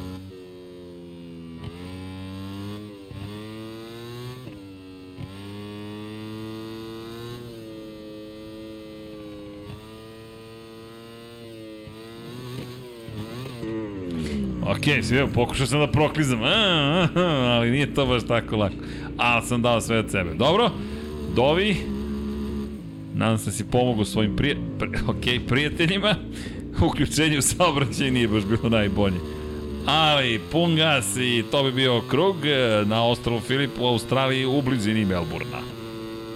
Kaži Srki, ili treba još nešto da učinim? Ja mislim da sam previše već učinio. Ajmo sad malo da Jack Millerujemo. Uf. Ok, pre, pre, prekasno sam se isključio i ne, nećemo da nastavljamo, nego continue. Hasan Bratić te, te pozdravlja. Hvala Hasanu, Kaže, pozdrav. više si povredio Duan u jednoj krivini nego on sebe za čitavu karijeru. Hasane, to se zove umeće. Ne može to svako odmah da se razumemo. To ne može svako da učini. Morate imati izgrađen talenat. Dobro. Ništa, napuštamo igricu i vratit ćemo se evo nekoj drugoj, pre nekom drugom prilikom. Ja, dobro. E, I tako. Nadam se da ste uživali. ja baš i nisam, ali dobro. Zabavili smo se. Eto, ljudi, sad možemo na Moto dvojki. sad ću da vozim sa Moto dvojkama. Šta kaže za Hasana? Evo, Srki, nešto specijalno priprema za Hasana. Veliki Srki, ja sam mali Srki, samo da znate. O, Hasane, e, samo moraš da staviš kopi, foto Hasan Bratić. Ali ne, ne, sad ostavi Hasana, nadam se neće tužiti. Oceko si malo i sad smo i Infinity Lighthouse, da znaš. Infinity Lighthouse, e, pozdravlja gospodina autora Hasana Bratića. Ovo je fotografija iz Asena. Ali ovo, u Asenu samo Hasen može to da kaže. Ti si, ovo je Hasan Bratić. Dakle, Hasan je fotografisao Francesca Banjaju na Ducatiju, Aleša Espargara na Aprili i Fabio Quartarara na Yamahi. Jedan kadar trojica protagonista u šampionatu sveta Moto Grand Prix klase. E, zato je Hasan, nije Mr. Crash, nego Mr. Car. Tako da znate, dakle, legenda fotografije i ne samo u Formuli 1, sve više zaraza zvana Moto Grand, o, sve više zaraza zvana Moto Grand Prix hvata gospodina Bratića, to je kurđa, da znate, uhvatio vas i ne pušta, ne može da izađe iz vas nikako, ali vas oplemenjuje. Tako da, Hasane, jedno čekam da idemo ponovo zajedno na neku trku, mada znam da se spremaš za neke druge manifestacije, ali, ljudi, Ajmo i da nastavimo naše druženje sa gospodom koje imaju pojeni i po razlike u šampionatu sveta, jer šta može biti manje od dva poena? Jedan i po poen, jer mora da bude kompleksno i zanimljivo u Moto dvojkama, tako da dva poena vodili vodeću dvojicu u Moto Grand Prix, u Moto dvojkama jedan i po poen posle podele bodova na Tajlandu, Augusto Fernandez 238,5, a Jugura 237. Da, Kane teoretski dalje u igri 53 2 poena zaostaje. Celestino Vjeti 73,5, to je 53,5 poena zaostaje, izvinjam se, za vodećim Kane 52 za Ugurom, Celestino Vjeti 73,5 i to su još dva vozača koji teoretski mogu da osvoju titulu, ali mislim da sa sigurnošću veliko možemo da kažemo da Celestino Vjeti neće biti šampion uprkos svemu što je pozitivno pokazao pre svega na početku godine i s druge strane da Aaron Kane verovatno posle ove trke i teoretski ispada iz te priče, ali naravno da sačekamo kraj velike nagrade Australije, a Gura i Augusto Fernandez, deki, priča već neko vreme traje i zaista su sjajni. Izuzetak je Tajland u kontekstu rezultata eventualno, ali... Da, šteta. Šteta. šteta da. da je trka nastavljena u potpunosti, nisam siguran da bi ostali na ovim pozicijama. Mislim da su oni tek pripremali da pokažu šta mogu, ali kako god, mi dalje imamo potpuno otvoreno prvenstvo tri trke pre kraja. Bukvalno, baš da, sve otvoreno. Da, imamo, imamo kategoriju, ja stvarno jedva čekam trku na, na Philip Islandu, ja ono, već pričam neko vreme, Moto dvojke me stvarno sad posjeću na neki superbike, a gledati superbike na Philip Islandu je stvarno fenomenalna stvar. E, u tom kontekstu ovaj, nadam se da će trka Moto dvojki biti tavka posebno zbog, zbog ovog odnosa koji imamo na, u, u vrhu šampionata i naravno ja bih voleo nekako da se Kane uključi tu čitavu priču, ali to bi onda podrazumevalo da, da ova dvojica lidera ipak nešto neodgovarajuće učine Izgreši. na stazi onda to već malo onako kvari tu, tu neku draž, tako da eto navijem da Augusto i ja i nastave tu neku svoju borbu, što će sigurno dovesti do, do, do sjajne trke. Da, poslednji put kada smo bili ovde, Brad Binder je zabeležio pobedu na KTM-u. Što implicira? Da u Moto Grand Prix može biti brz. Drugi je bio da. Jorge Martin. Što implicira dalje? Treći bio, e, ovo ne implicira ništa, Tom Luti. da, dobro. Jedini okay. penzioner od prilike. I Jorge Navarro je bio na četvrtoj poziciji, pa Lorenzo Baldassari ali, ali dobro, vodeće dvojice su bitne, inače Remy Gardner bio šesti te godine, osmi Alex Marquez, ljudi koje imamo u šampionatu, Moto Grand Prix klasi, te Cuta Nagaš ima bio deseti čisto da ubacimo te priče i u rezervnim vozačima, ali da, Tom Luti je stajao na pobedničkom postoju. Zanimljivo da je to bila dvostruka pobeda KTM-a. KTM kao proizvođača šasija u to vreme. To nisu Kalexove šasije, to su zaista KTM-ove šasije, ali to je kraj ere KTM u Moto2 kategoriji posle toga je rekao nećemo se više baviti proizvodnjom šasija u Moto dvojkama, resurse želimo da preusmerimo na Moto Grand Prix i i tekako na Moto 3, ali Binder i Martin za Red Bull KT Majo još jedna, jedan, u nizu njegovih, njihovih trka u to vreme, to se sada već malo pomalo zaboravilo, oni su bili klubski kolegi kakav moćan tim je i tada imao Ajo. Ti kada pogledaš svi Ajovi vozači, to da, je to je, to je jednostavno rad na, na, na dogradnji vozača i Dakle, stvarno KTM je onako baš lep rasadnik za, za budućnost Moto Grand Prix uvek bio. I, i nastavlja to da bude. Da. Ti kada pogledaš, mi pričamo zaista o, o veoma ozbiljnoj zapravo situaciji kada je reč o, o ljudima koji dolaze i dolaze i dolaze. Naravno, i ne može svako da prođe. To je potpuno pa, prirodna stvar, ali ali je ovaj, indikativno da, da svi koji budu u toj ekipi automatski mogu da, da, da računaju da, da, da imaju kvalitet za Moto Grand Prix, čak i ako nisu sigurni u sebe da, da to mogu da urede. Znači, samim tim, ako si u KTM-aju, ako su to oni prepoznali, znači da, da nešto urediš. Ne, nešto radiš kako da, treba. Da, da, da. Definitivno nešto radiš kako treba, a ovi ljudi zaista rade kako treba. I kada govorimo o Augusto Fernandezu, njegova ekipa jeste Red Bull KTM-ajo, ono što je izazov jeste i ti često napominješ što i to mislim da je neophodno potencirati malo više da bi se da bi se zaista do, do, do toga nekako došlo da je neću reći podrazumevano, ali više, više nego jasno. Ovo je de facto kup takmičenja. Triumfovi motori su kod svih, trocilindrični od 765 kubika, Kalex koristi 95 na primjer, vozača, od 30 vozača 26 je na Kalexovim šasijama, ne znam sad tačno koji je to procenat, ali ogroman procenat. Dvojica vozača, Alonso Lopez i Fermin Aldeguer, su nalaze na, na, na speed upu, to jest na Bosco Skuru, i imate još dve MV Aguste. Simone Corsi i e, nije Marcel Schotter, nego sad mi sad je mozak Marko Ramirez. Marko Ramirez, dakle njih dvojica. To su četiri vozača koji ne koriste Kalex. De facto imamo Kalex Triumphov kup i šta je ključno? Vozač, ali plus ekipa. I te nijanse koje Ajo uspeva da nađe iz godine u godinu je nešto što pruža priliku zapravo njegovim vozačima da gotovo na svakoj stazi budu konkurentni. Ono što je pohvalno i Dimicu Honda, ne znam kako, ne znam koji je uzrok, je došla do toga i sa Ajo Gurom i sa Somkjatom Čantrom, da je više nego konkurentni. To je pohvala za tim. Mislim da nismo ni jednog momenta dovoljno pohvalili i Demicu Hondu. Da. A ovo je ogroman iskorak za njih. Da, možda tu i oguri neki kvalitet koji on doneo tu. Ovaj... Da, to, to je nepoznanica. Moguće, moguće, da vidjet ćemo. Da. Ali to je baš zanimljivo, jer ovo jeste u velikoj meri šampionat timova. I ovde timovi dolaze mnogo do izražaja, jer nijanse odlučuju o tome ko će biti bolji. Da, ja se, iz, iz tog razloga sam se nadao da će Ogura dobiti šansu u Moto Grand Prix, ali mislim, kad se pogleda sve, kad se podvuče, ovo je bio, bio je razuman izbor da taka ostane u toj čitovi priči kao praktično jedini iskusan vozač koji može da se posveti razvoju ovaj, Moto Grand Prix motocikla sledeće sezone, mislim da bi to za AIA ipak bilo u, u periodu nekog uh, učenja previše obaveza, tako da možda je bolje da, da, da ovaj, možda bolje što je ovako sve, sve, sve i završeno s njima, ali to bi u stvari samo, možda bismo tu mogli da dobijemo neki, neki dokaz da li on učestvovao ovaj, u, u, u čitavom tom razvojnom putu čitave ekipe. Jer stvarno deluje da, da, da ima i te kvalitete.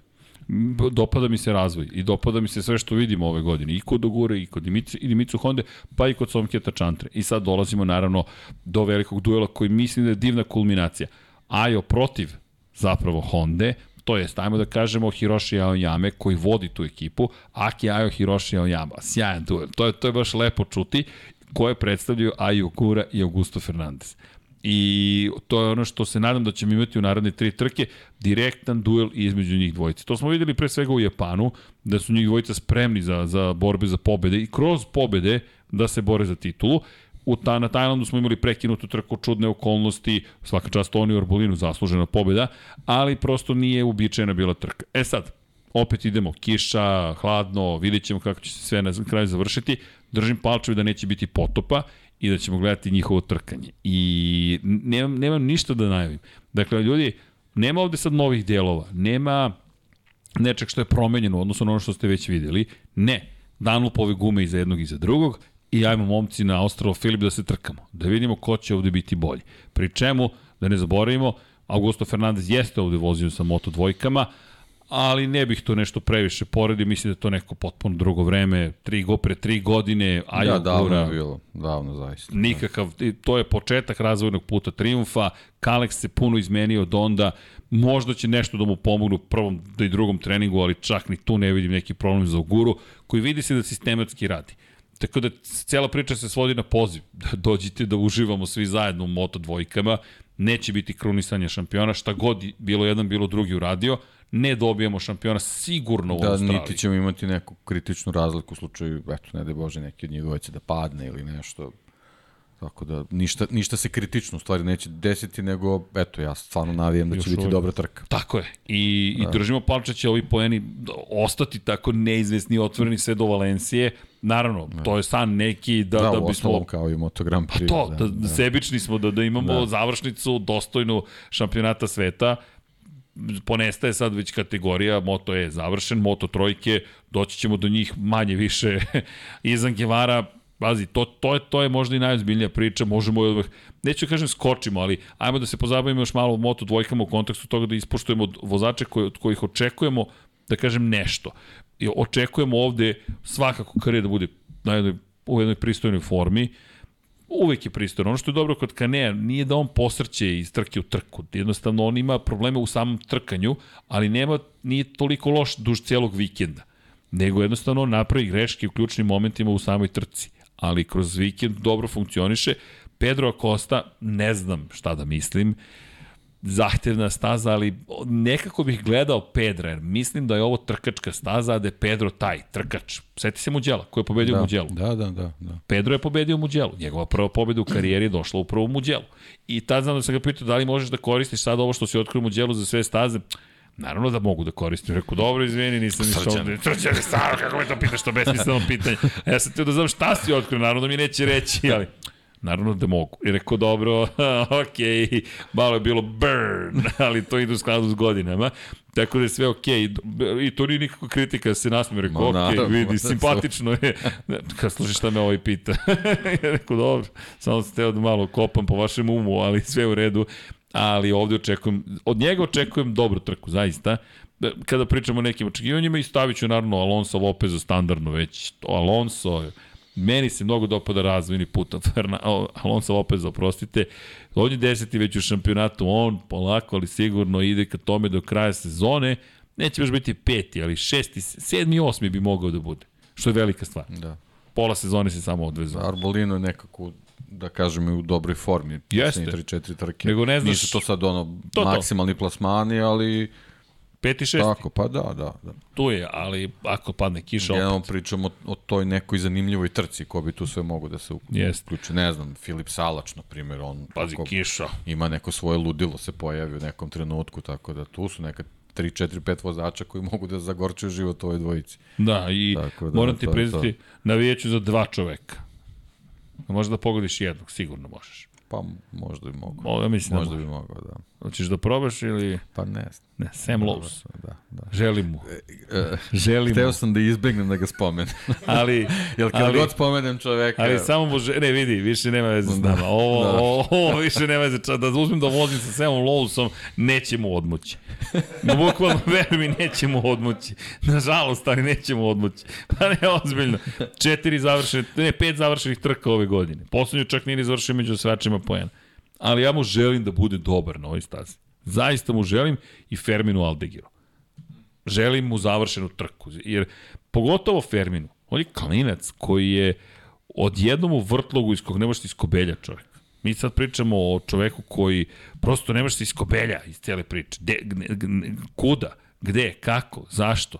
Da, tako mi djeluje i mislim da, da, da bi bilo prosto lepo. Čekaj da vidimo. E, e, inače, e, nadam se da ćemo sledeće nedelje imati priliku da pričamo sa Lukasom Tulovićem, koji je postao novi šampion Evrope.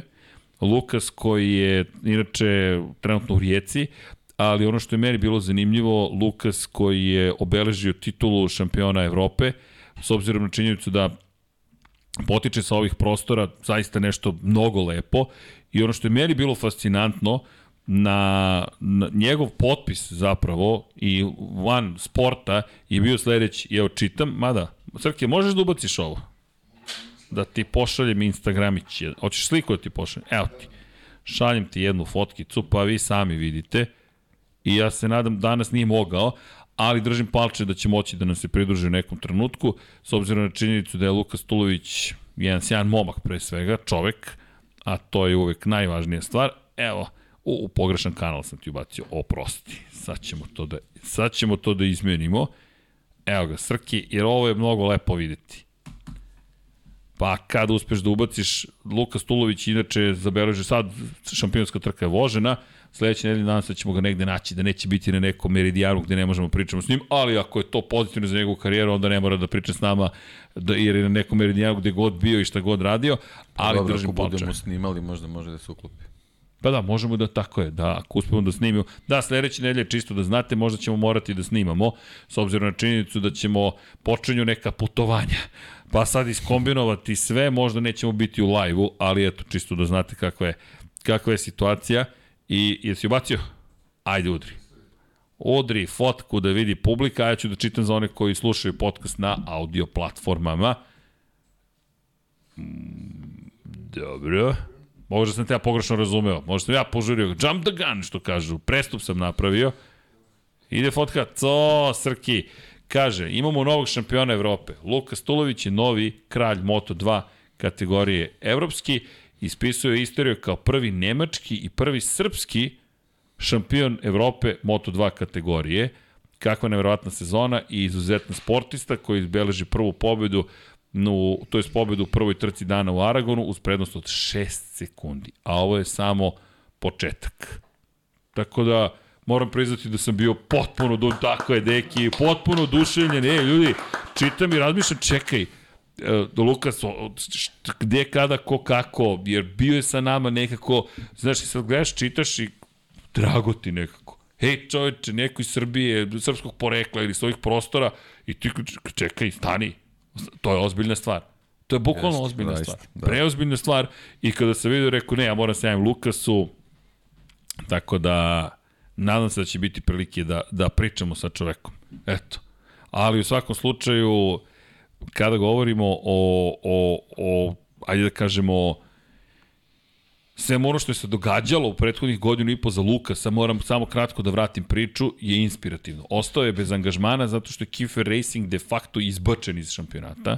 Ne pitajte šta i kako, Kiefer Racing je imao prijevu validnu, ali se ispostavilo da ha, neki administrativni problemi postoje, pa se za jednu uh, malo veću ekipu otvorila prilika da uđe u Moto2 klasu, a Kiefer Racing je bukvalno izbačen. Politika je čudesna i Lukas koji ima ugovor da vozi šampionat sveta, odjednom ostaje bez angažmana, dobio priliku da povremeno vozi u Moto E klasi, ali trebalo da vozi Moto 2 šampionat sveta. Lukas odlazi sa ide, ne za jedinicu, prostite, već sa Instagram prijem odlazi da vozi šampionat Evrope i osvaja titulu. I pokazuje šta može. Fermin Aldegar je osvojio titulu prošle godine, vice šampion je bio Alonso Lopez i sada Luka Stolović kao neki novi vozač stiže praktično. Ja se nadam da u šampionat sveta ponovo. Ček, Dobro, lepo je da, potvrde. nadam se da će se to desiti, ali lepo kad stigneš nekim pedigreom, to je, Tako je. to je super. I, i mnogo sam srećan. Mnogo, mnogo, u mnogo ozbiljniju priču onda ulaziš, to je, to je jako lepo. Sad ovaj, držimo palčeve pre svega da, da mu ovo bude neki zamać, da nađe neki dobar aranžman. Jeste. Jer to je ono što je, što je ključno u ovoj kategoriji. I... Čista vožnja u nekoj ekipi možda ne znači ništa, ali ako ti sa, sa ovaj, ratingom šampiona, bez obzira ko, koji je, koji je ovaj, koji je šampionat u pitanju, ulaziš u tu priču, imaš nešto u, u svojim rukama, ono što može ti bude adu da, da, da se možda nađeš u dobre ekipe.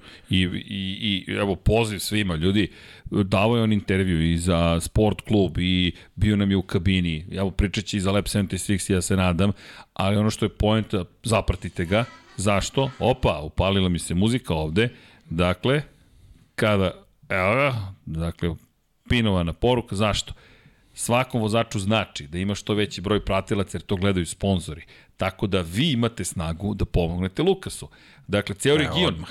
Dakle, da. bukvalno ceo region. Zašto vas pozivam? Svako sa ovih prostora, sa, sa ovog poluostrva, bilo geografski da pripada neko i ovom poluostrvu ili ne, ako se razumemo, to je to neko pripade. Neću ne da svodim na geografiju. Svi ste Lab 76ersi. Dakle, svi smo mi deo jedne ekipe koja voli automotosport i treba da podržavamo se uzajemno. Martin Vogrinec, kogod, dakle, gde god da se takmiči, pojente da se podržavamo i vi imate moć zapravo da pomognete tim vozačima. Nije samo ja, ja sedim negde, bio to Beograd, bio to Zagreb, bio to, ne znam, Sarajevo, Banja Luka, e, Skoplje, koji god grad, hoćete manje gradove, sve jedno mi, gde god da sedite, imate Instagram, imate moć u rukama, follow, Udrite follow, bukvalno, Evo. to deki.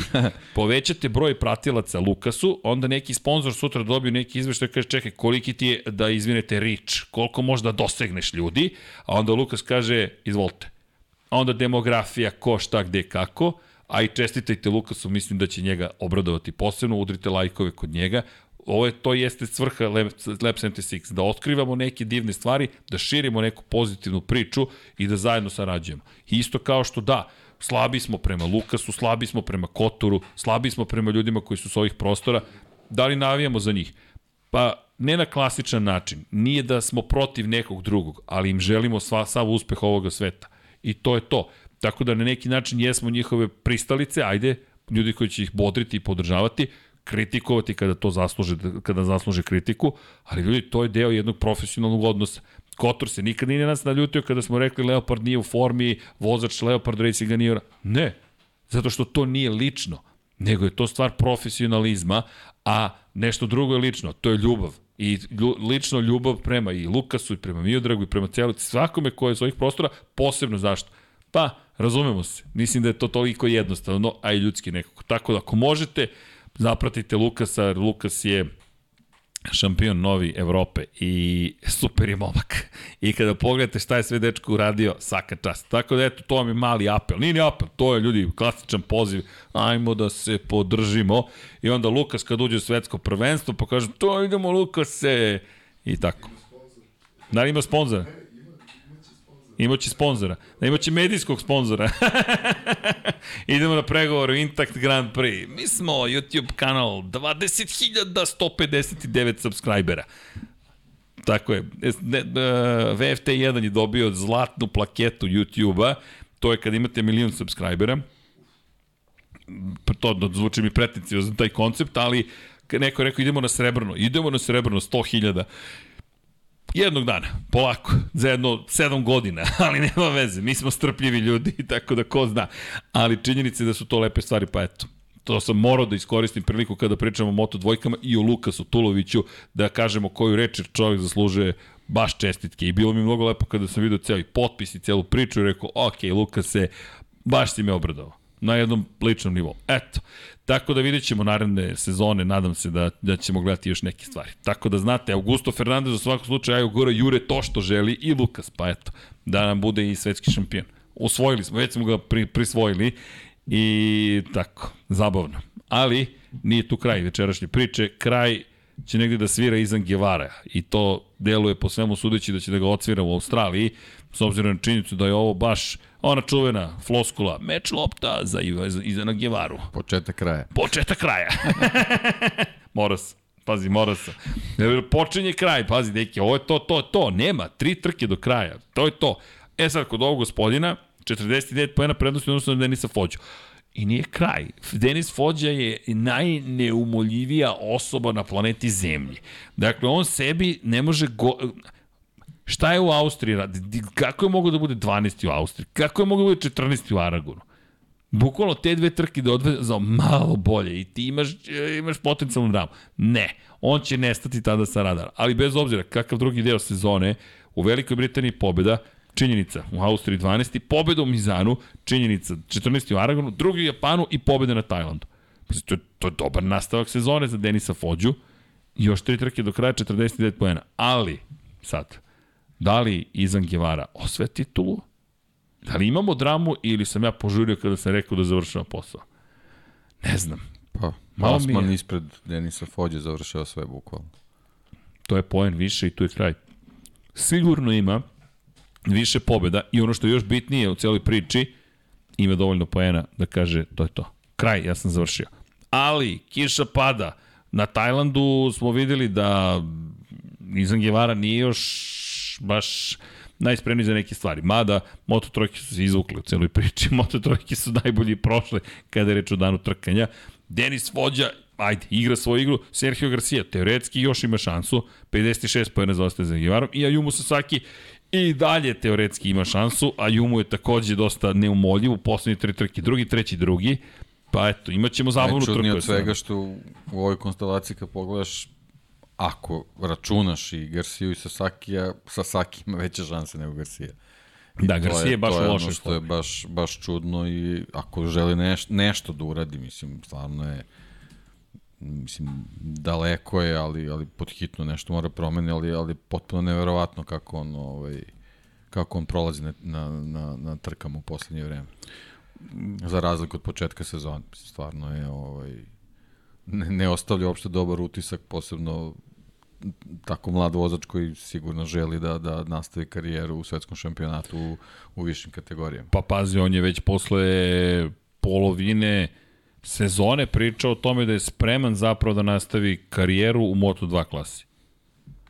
Mi nemamo potvrdu da će on zaista preći. Dakle, mi znamo da se priča o tome da bi on trebalo da pređe u Moto2 klasu, ali nigde nisam našao potvrdu da će se to zaista desiti.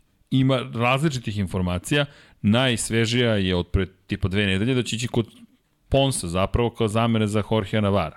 Da. E sad, ne znam, za sada je to bila poslednja informacija da bi trebalo da da da da pa da li ja ne mogu da povežem da to nekako može negativno da utiče na tebe ako već imaš ovaj saznanje da si da, da, da sledeći korak u karijeri praviš.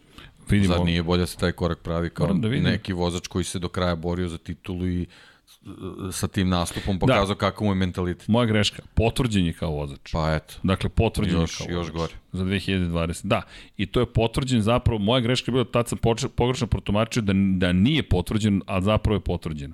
I bit će u 2023. sezoni deo ekipe Pons Racinga. Eto, zar, nije, zar, zar ti nije dodatna motivacija da u čitu priču ulaziš upravo ovo kao... što pričamo o Tuloviću? Da, da se pojavljaš kao neko ko ima koji ima neki pozitivan rating iza sebe. Bez obzira, vice šampion, šampion, ali moraš da se boriš za to. Način kako on vozio ovaj drugi deo sezone stvarno mu ne ide u prilog. E, vidi, priznajem. Završetak prošle sezone i trenutna situacija u, u drugom delu ove sezone. Uopšte, ne, uopšte mu ne ide u prilog.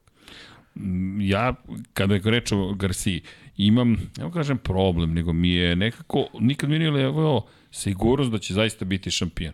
Zašto? Zato što previše puta smo gledali na trenzima i kvalifikacijama da je nekako gotovo letargičan. Kao da to grozno zvuči i ne, ne tvrdim da je tako, ali tako izgleda. Stiče se utisak čoveka koji da, gotovo da ni zainteresovan. je utisak tako, da. I da. dođeš do toga da u možda trkama... Možda je, da, možda je potpuno, su, su potpuno suprotnost, ali ne možemo mi da vidimo šta se dešava ispod kacige.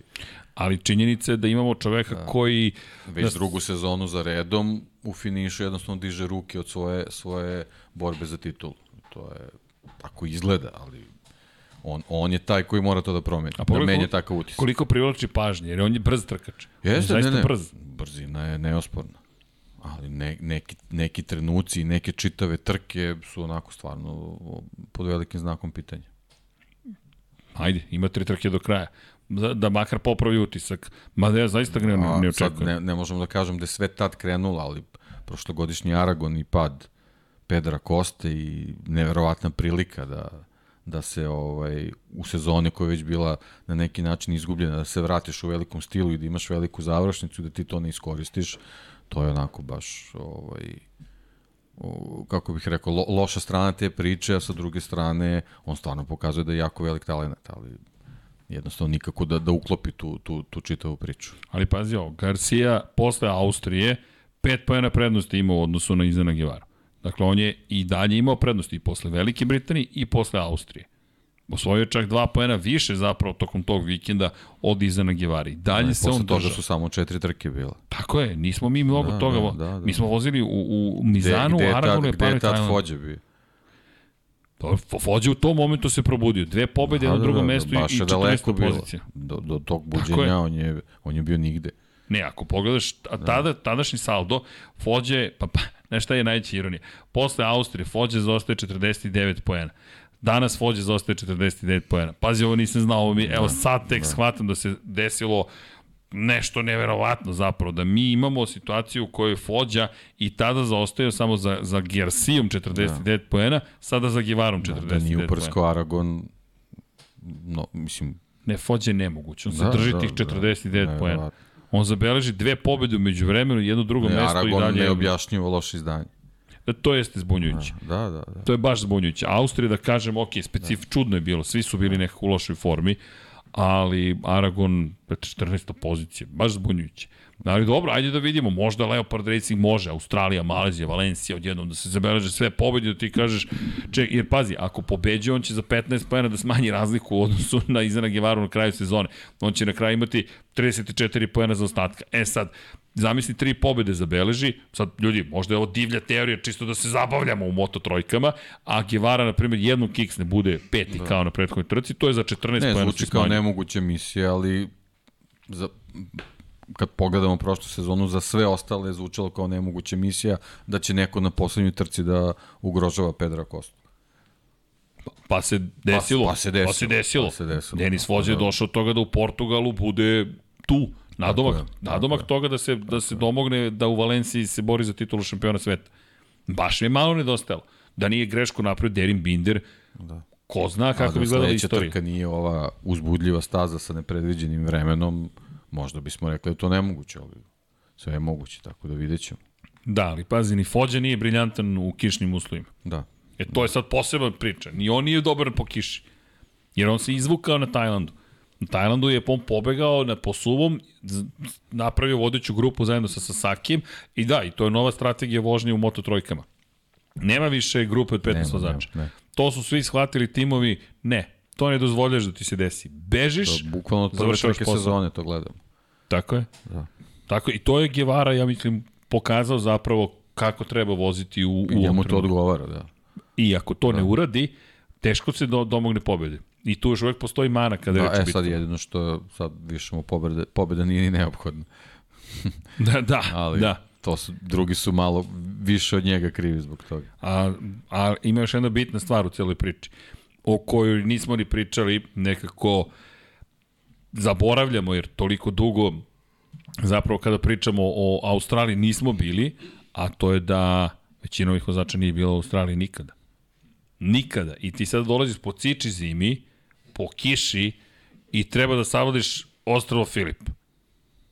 Pazi, deki, to će da bude to će da bude možda i najveći izazov zapravo. Kada pogledaš, da, da, svi su oni sjajni vozači, sve to super, sve to stoji, ali kada krene trka, kada krene da vas testira Ostrovo Filip, tek onda ćemo da vidimo zapravo ko šta ovde može. Lorenzo Dalla Porta je pobedio, to je bila šampionska pobeda protiv Markosa Ramireza, klubskog kolegije. To, deki, evo je, šampion nam je potpisao kacigu, hvala Kotoru. Markos Ramirez bio drugi, treći bio Albert Arenas. Za one koji su možda zaboravili tu trku, pogledajte je ponovo. Tatsuki Suzuki na poziciji 4, tada za Sić 58.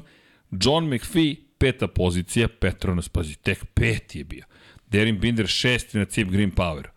E, šalio sam se. U 7 tinki je na kraju trke bilo ovih šest vozača. U 7 desetinki, u 88 hiljaditih dijelova sekunde dala Porta Ramirez Arenas, 88 hiljaditinki na kraju trke, Tatsuki Suzuki zaostaju desetinku i 26 hiljaditinki, John McPhee velikih, velike 3 desetinki, 30 hiljaditinki i Derin Binder 7 desetinki, 72 Daleko iz- hiljaditinki. daleko iz- Daleko, pazi ovo, Ayumu Sasaki, sekundi 29 hiljaditinki za ostatka, pozicija broj 7. I kao, šta ste vozili, momci? Australiju.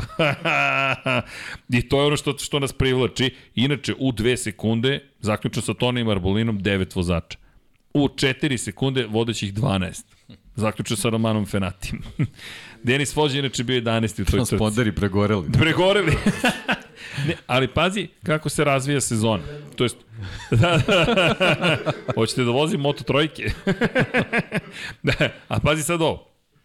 Denis Vođa 11. Alonso Lopez, u to vreme vozač iz Trelje Galicije 13. Ajo Gura za Honda Team Azije 14. Čisto da se malo podsjetimo ko je gde tada bio. Toni Arbolino na Snipersu, Stefano Nepa, koji još uvek je tu, Stefano je tu, na desetoj poziciji i večiti broj Moto3 Romano Fenati, jel te, koji se vraća sledeće godine u šampiona cvete i Tom Butemus koji u poslednje vreme u centru pažnje zahvaljujući strašnom onom, onoj situaciji da ga neko tukao bukvalno na stazi. Svi ti ljudi su potpuštani, ali bojim se da je to sad već zaboravljeno. E, to se desilo za otpuštanje, tako dalje i sad idemo dalje kao što je do sada bilo. To nije prihvatljivo i nadam se da će se pozabaviti time. Čekaj da iskopamo još neko ime i prezime koje... E, znate koga? Da li se neko seća? Ovo je bitno iz više razloga. Makar Jurčenko. Se sećate Makara Jurčenka? Za koju državu je vozio Makar Jurčenko? Ne. Rođen je u Rusiji, inače, u Sankt Petersburgu. Nelagodno mi je kad praviš ovake pauze. Rec, Za, za. Kazahstan. Za, za. Kazahstan. Ali još važnije od svega, sad ko tako je drama, koji broj je, no, je imao Makar Jurčenko? E, da, sad smo, A? sad, sad znam. Makar Jurčenko. Je se seća kad se tad je bilo Lab 76 ko koristi Makar Jurčenko. Okej, ne, ne predviđam baš da će biti, nažalost Makarovu da će biti Uf, dobro. Kako je krenulo, ko zna šta je mogo da izgovori sve. Uh. Makar Učenko je bio 18. ali da, Makar Dobre. je... Makar je vozio sa... Koliko je zaostaje? 42 sekunde. A, nije, nije, nije Jurčenko. Iako imao neke pristojne nazive, nije, nije. Nije, ko nije slika s Marsa, da. koliko mu je trebalo da stigne. Inače, znaš ko nije završio trku? Celestino Vijeti, Eto. Jaume Masija, Andrea Minjo, Raul Fernandez, Filip Salač, Sergio Garcia, Aaron Kane, Gabriel Rodrigo, koji se nažalost penzionisao, Kaito Toba i nije završio prvi krug Ricardo Rossi. Teška trka, bukvalno teška trka. I to pred kraj su počeli da padaju. I Vijeti, i Masija, bilo je svega. Koliko sledeće godine imamo trku u šampionatu? 20, 42.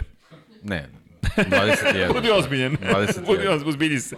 21. 21. Znači, do kraja ove sezone da. vozit ćeš ovu igricu sa Moto Grand Prix motociklima. Dobro. A sledeću sezonu prvih 7 ćeš voziti trojke. Dobro. Pa ćeš voziti 7 u dvojkama i onda Dobro. kad krene ovaj početak kraja, poslednjih 7 trka voziš kao Moto Grand Prix vozač. A moto je? Pa ne znam, će, ako, a, ako budu u igrici, u igrici. Ne, nemam pojma, nisam e. ni probao ne, to da imam trojke, moto. Kad se, Moto Grand Prix 23 kad se pojavi, onda ćemo da vidimo. Ajde da vidimo. će da bude. Čekaj da vidim, da li ima Moto E?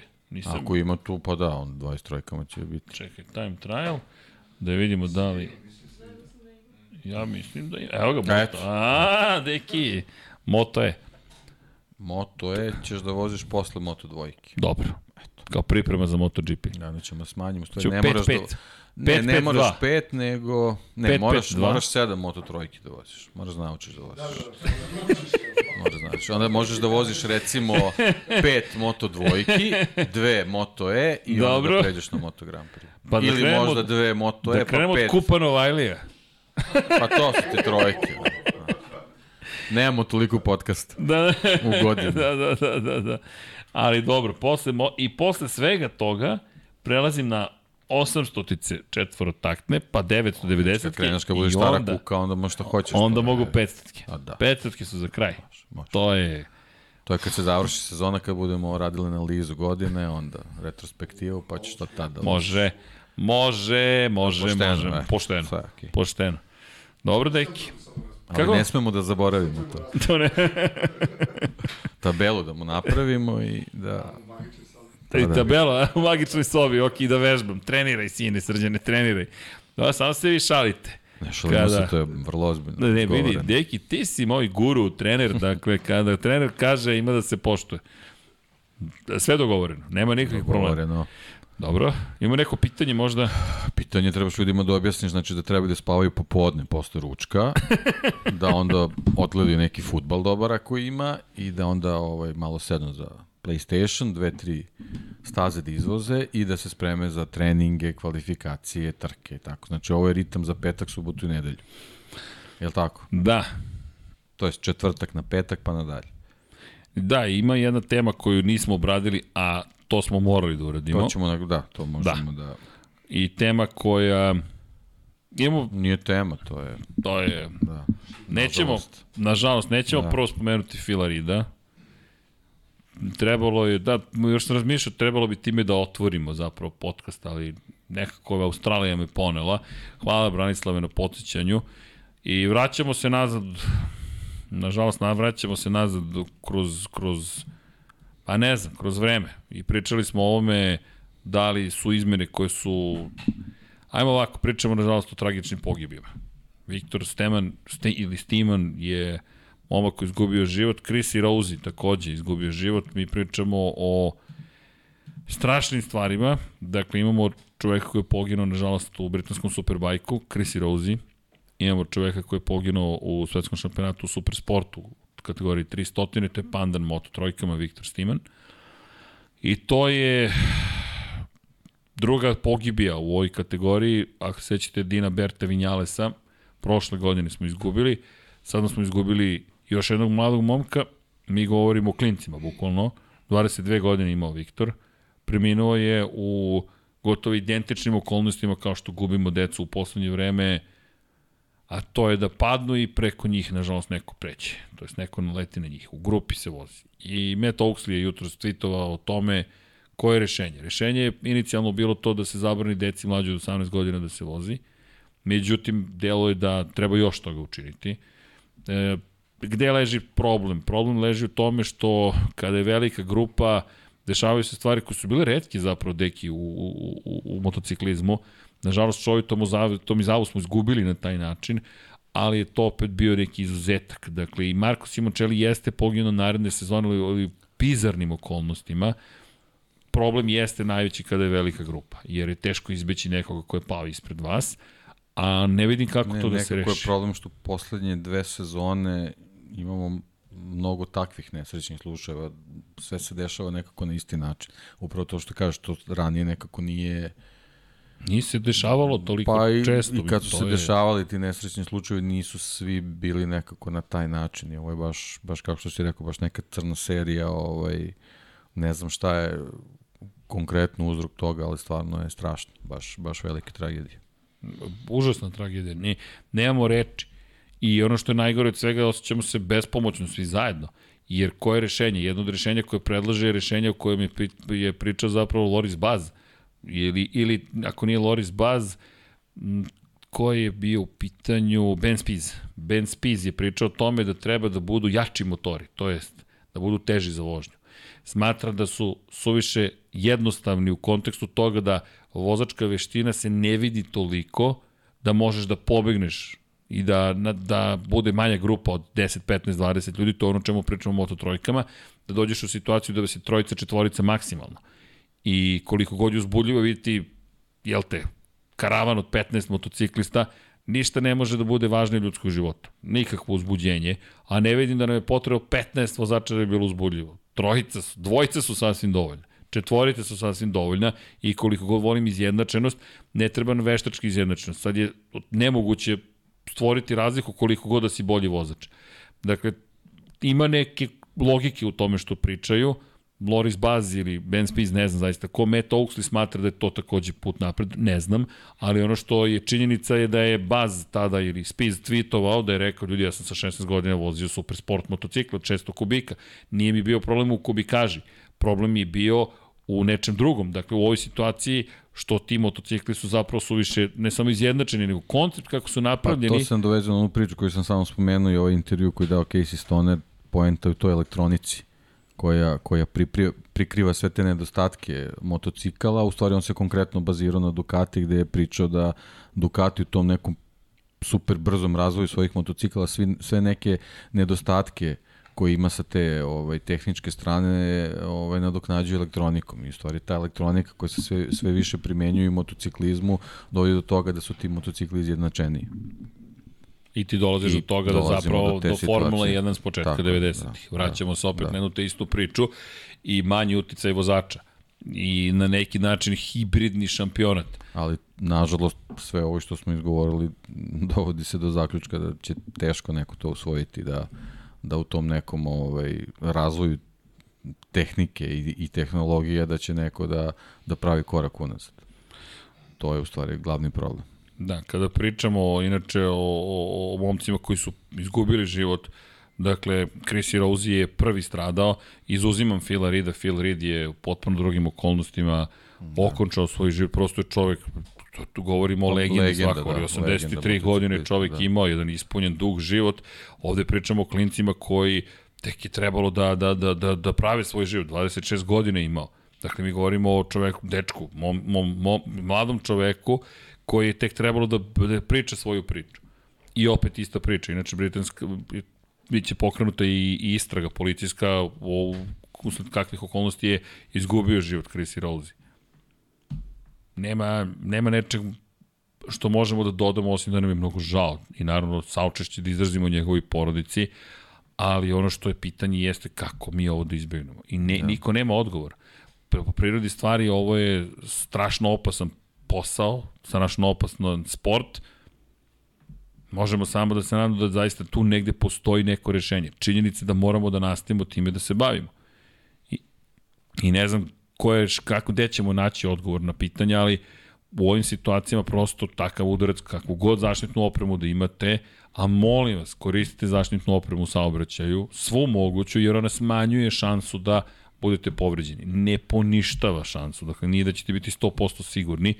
I ono što je najveći problem jesu povrede glave, kičmenog stuba, to su dve povrede koje su najteže i nažalost grudnog koša, to smo imali situaciju sa Luisom Salomom, prosto teško je zaštititi vozača motocikla, on je taj koji ne pa, zaštiće Pa izuzetno ranjiva kategorija, tako da Jest. zbog toga i generalno u čitovim našim pričama i treba odavati priznanje, bez obzira što ih mi ponekad kritikujemo nešto što je čisto vezano za taj neki sportski deo, ali generalno svi oni su momci koji ono, apsolutno kapo dole za sve što rade.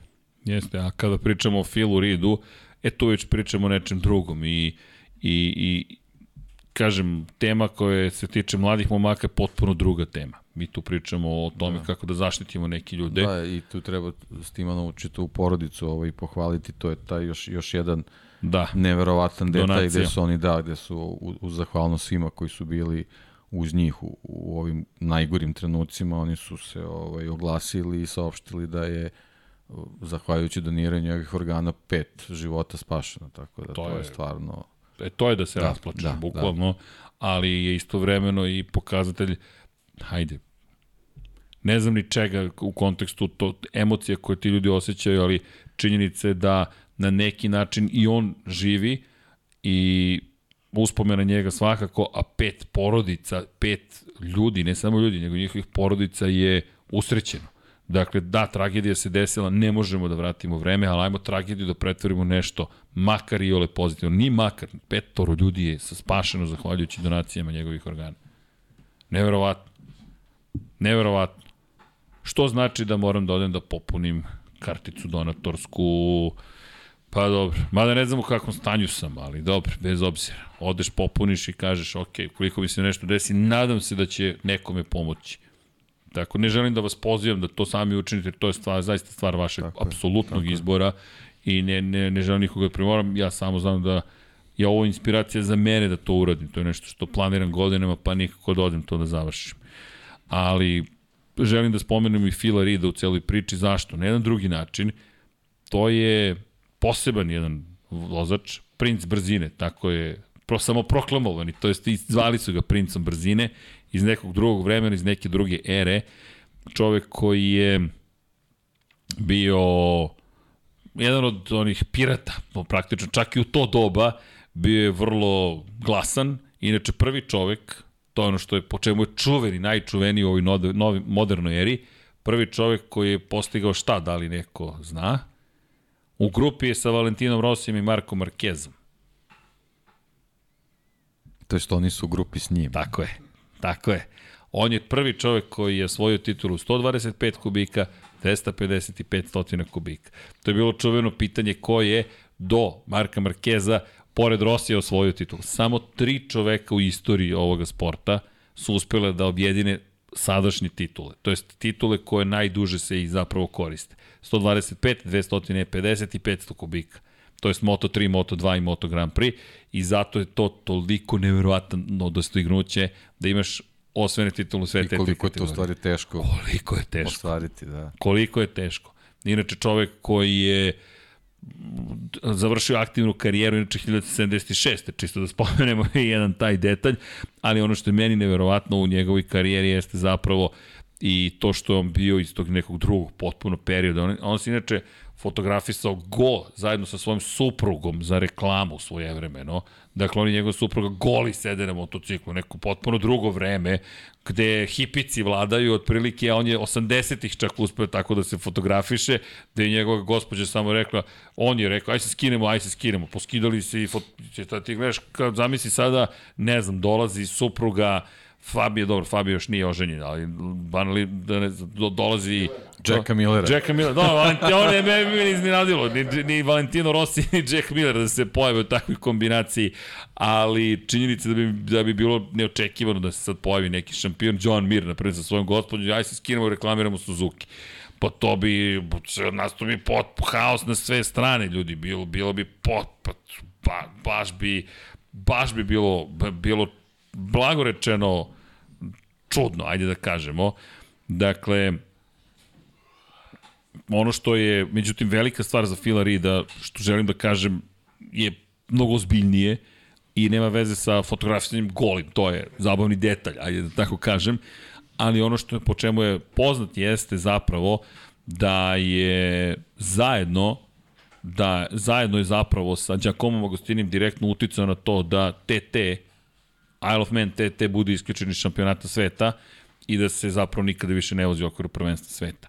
I to je čuvena kontroverza gde su se njih dvojica prosto su rekli javno da se nikada više neće takmičiti na TT-u.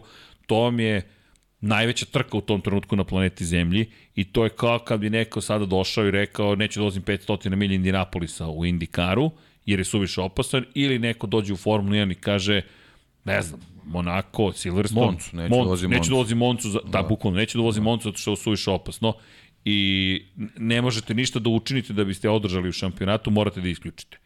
I to A je... pritom voziš za Ferrari, na primjer. Pa, I pa kažeš, pritom voziš, da Moncu. za, bukvalno, Da, da, jer ti sad pričamo o tome, a, ti pričaš o vozačima MV Aguste, ti pričaš o ljudima koji su u nekom drugom vremenu. Zamislite danas da dođe Fabio Quartara ili Francesco Banjaj i kaže, ne pada mi na pamet više da se pojavim na nekoj od ovih staza. I ne samo on, onda dođe i Jack Miller. Mada su još veće zvezde od toga. Mi govorimo o višestrukim šampionima. To je na nivou Mark Marquez, dođe Valentino Rossi dok je još bio aktivan, dođu i kažu I njih dvojica se dogovore, i kažu dogovore, da neće da... bukvalno dogovore se njih dvojice, to su bili Giacomo Agostini i Phil Reed. Dođu i kažu, jel nećemo ovde da vozimo? Nećemo. I sad, aj ti vozi. Pošto je rekao Rossi, ne, rekao Marquez, ne, pa šta radimo? Nema. I par godina kasnije veliki broj vrhunskih vozača je odustao od toga da vozi TT i to je bio kraj TT-a u šampionatu sveta. Kako? Spasili su ljudima glave. Jesu, nekima jesu.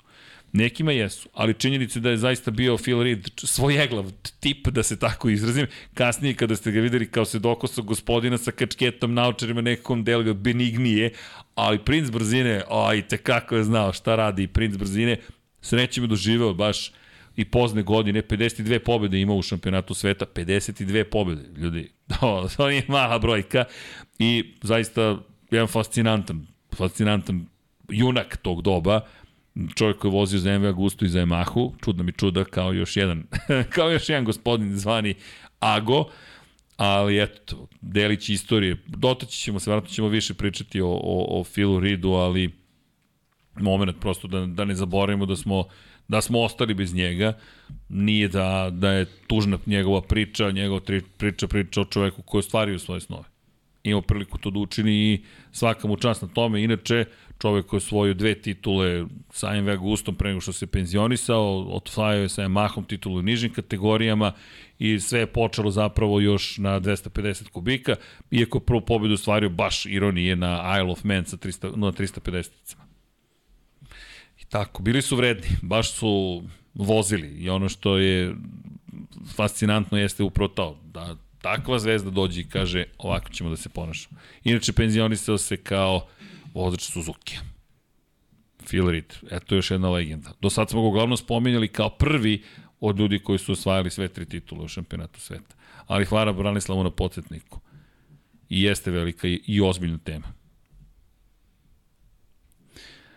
Evo imamo ovde nek, neko, neko još pitanje, srđan da se ofarba u zeleno u petak. Ovde je već prešlo na NFL.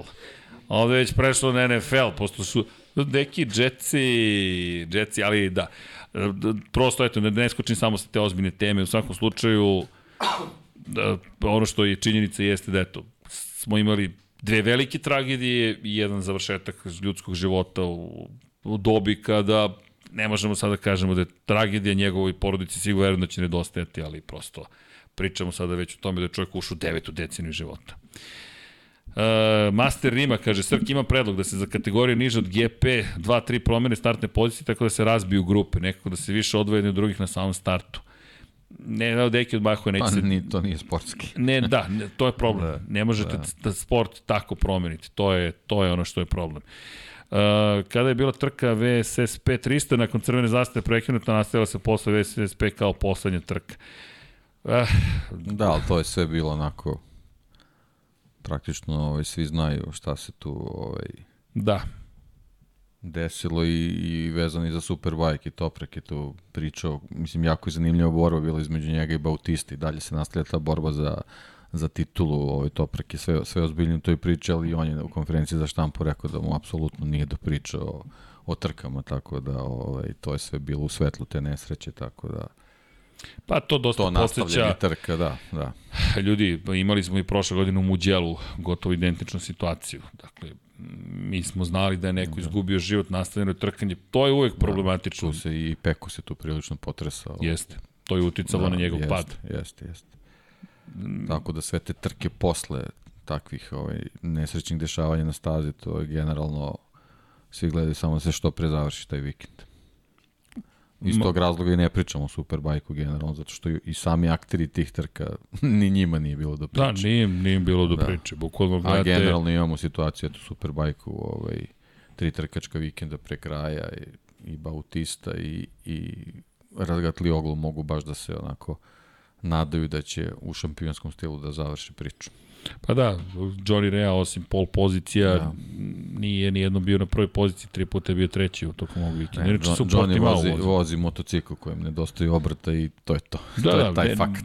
Sve Da. dosta jednostavno. Da, jednostavno je, da. Da, nažalost, ali ne znam, držim palče za da će se nešto... Mislim, svaka čast on se dalje bori u toj čitavoj priči, ali veliki tehnički hendikep. Ba, ali baš jeste, čak nije ni opravdanje, prosto je tako. Da, da, tako. Ti gledaš i prosto je tako. Da. Inače, Alvaro je digao formu, to smo videli još u Barceloni, Yes.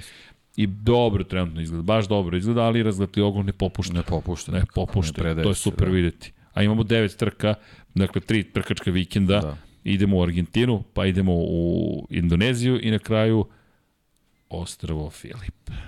Čisto da se treba gde će se... da. E to, samo zamislite, poslednje tri trke Ostrvo Filip. E, pa kaže, pozdrav srđane, mala ispravka, komentatorska kletva je već bačena na Markeze izjavom da je red da ne završi trku. Kad sam rekao da je red da ne završi trku? Aha, da je red, ju, ju, ju, ju, ju, ju. Izvinjavam se, Branko, kaže, tako da slobodno reci ko će da pobedi. Mala šala, pozdrav iz ostatak ekipe u studiju. Jel vidite šta se nega?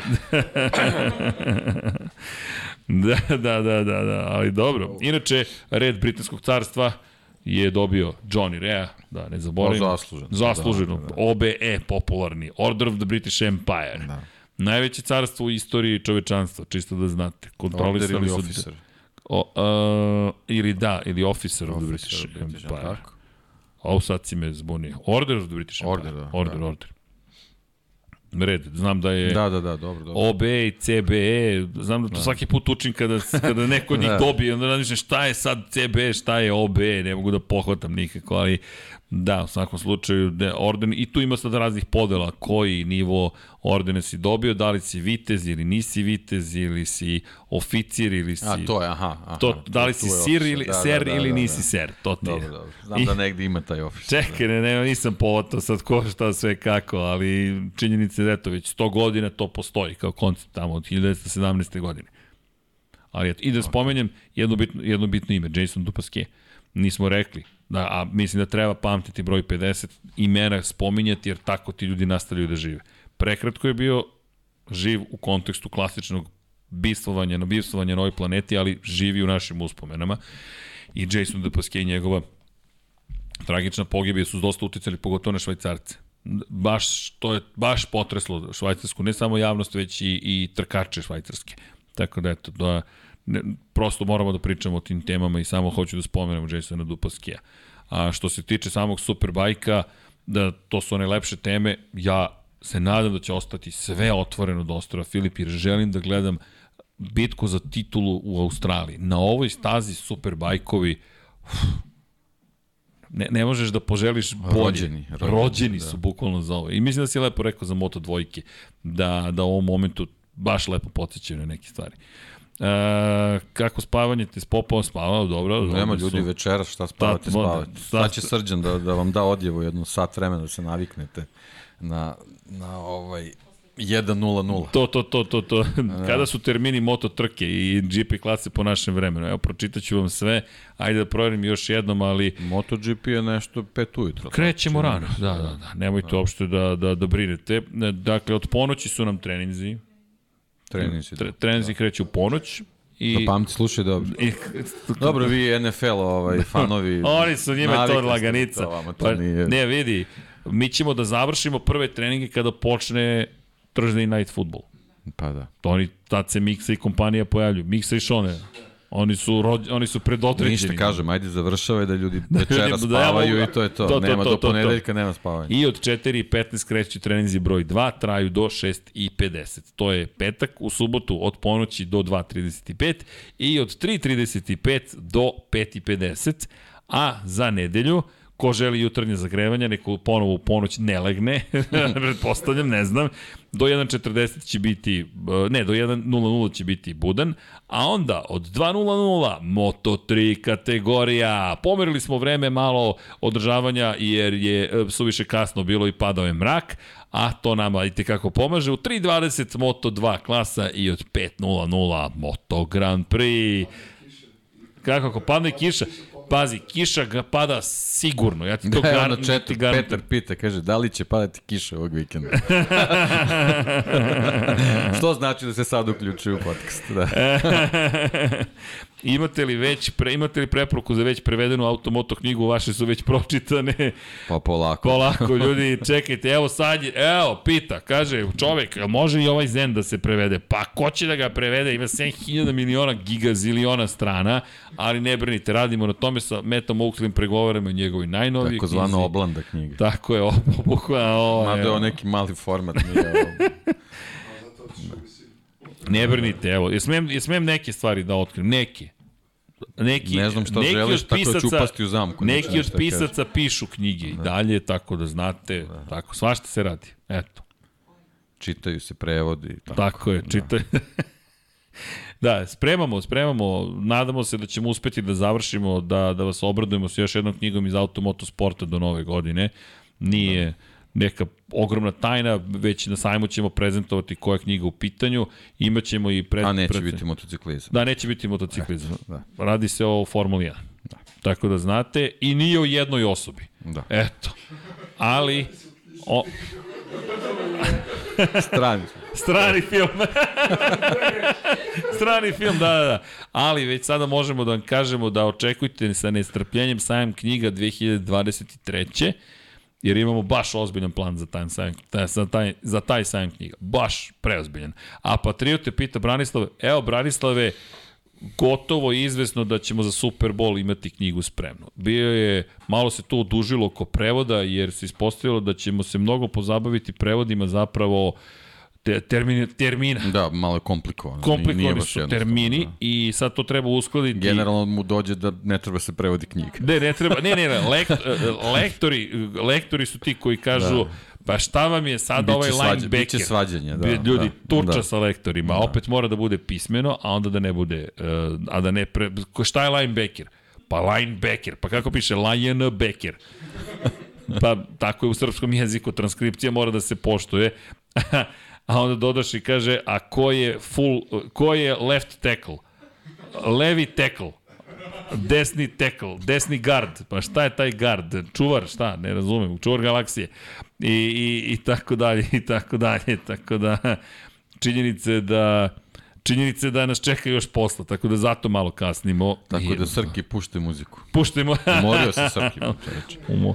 Kaže ovde, Stoner koji će da odveze krug. Da, e da, Stoner. Stoner će da odveze krug između Moto dvojke i Nadam se da MotoGP. ćemo videti to Tako je. Pa, u prenosu. uh, to je ponekad problem. Dorna ponekad zbog autorskih prava Gotovo sam siguran da ne pušta. videti Tako je, da. Često. Ali ovo je možda kletva, pa možda i bude.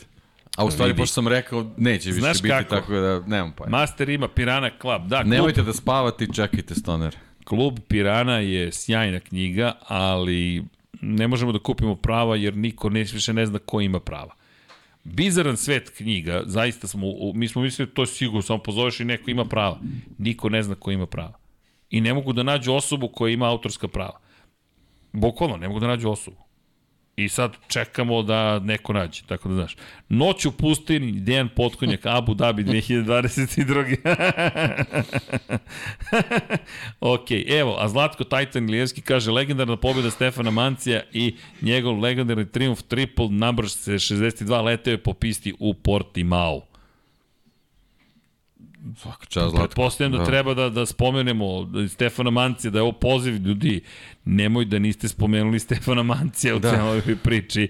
Pa dobro, evo da spomenemo Stefana Mancija. Stefano Manci, redki pobednik u supersport kategoriji ove sezone, fakat jeste leteo makar u prvoj trci, u drugoj baš i nije, ali dobro, nije završio trku, ali činjenica, prva njegova pobeda u karijeri sa, na triumfu i fenomenalno je zaista bilo videti ga, treba da ispoštujemo. Lorenzo Baldassari do sada i Dominik Egerter su jedini bili pobednici u Supersport šampionatu sveta i na kraju, eto, Stefano Manci jedna pobjeda, ali vredna, kao što si rekao, Zlatko, kao što ste rekli, izvinjam se, triumf slavi pobedu. Nije mala stvar, zaista, i baš je bilo dobro. Bilo je lepo videti prosto da, da, da, da, da se pojavljuje neko novo ime i prezime. Naravno, ne menja stvari u šampionatu sveta, pošto Domi jednostavno neće da pusti i ne da svoju titulu Domi jednostavno s izuzetkom mosta gde je bio katastrofalan, sve ostalo je prilično dobro. Bar po jedna pobjeda tokom trkačkog vikenda. I pol pozicija i tako. Bio je, bio je vredan Dominik Egert. Volio bih da vam kažem i kada je reč o, o šampionatu sveta u supersportu, ali eto, kao što znate, imali smo baš tragičnu situaciju. Ono što želim da dodam samo u sve to, Alvaro Diaz jeste novi šampion sveta supersport, to smo znali već pre nekoliko trka da će biti slučaj.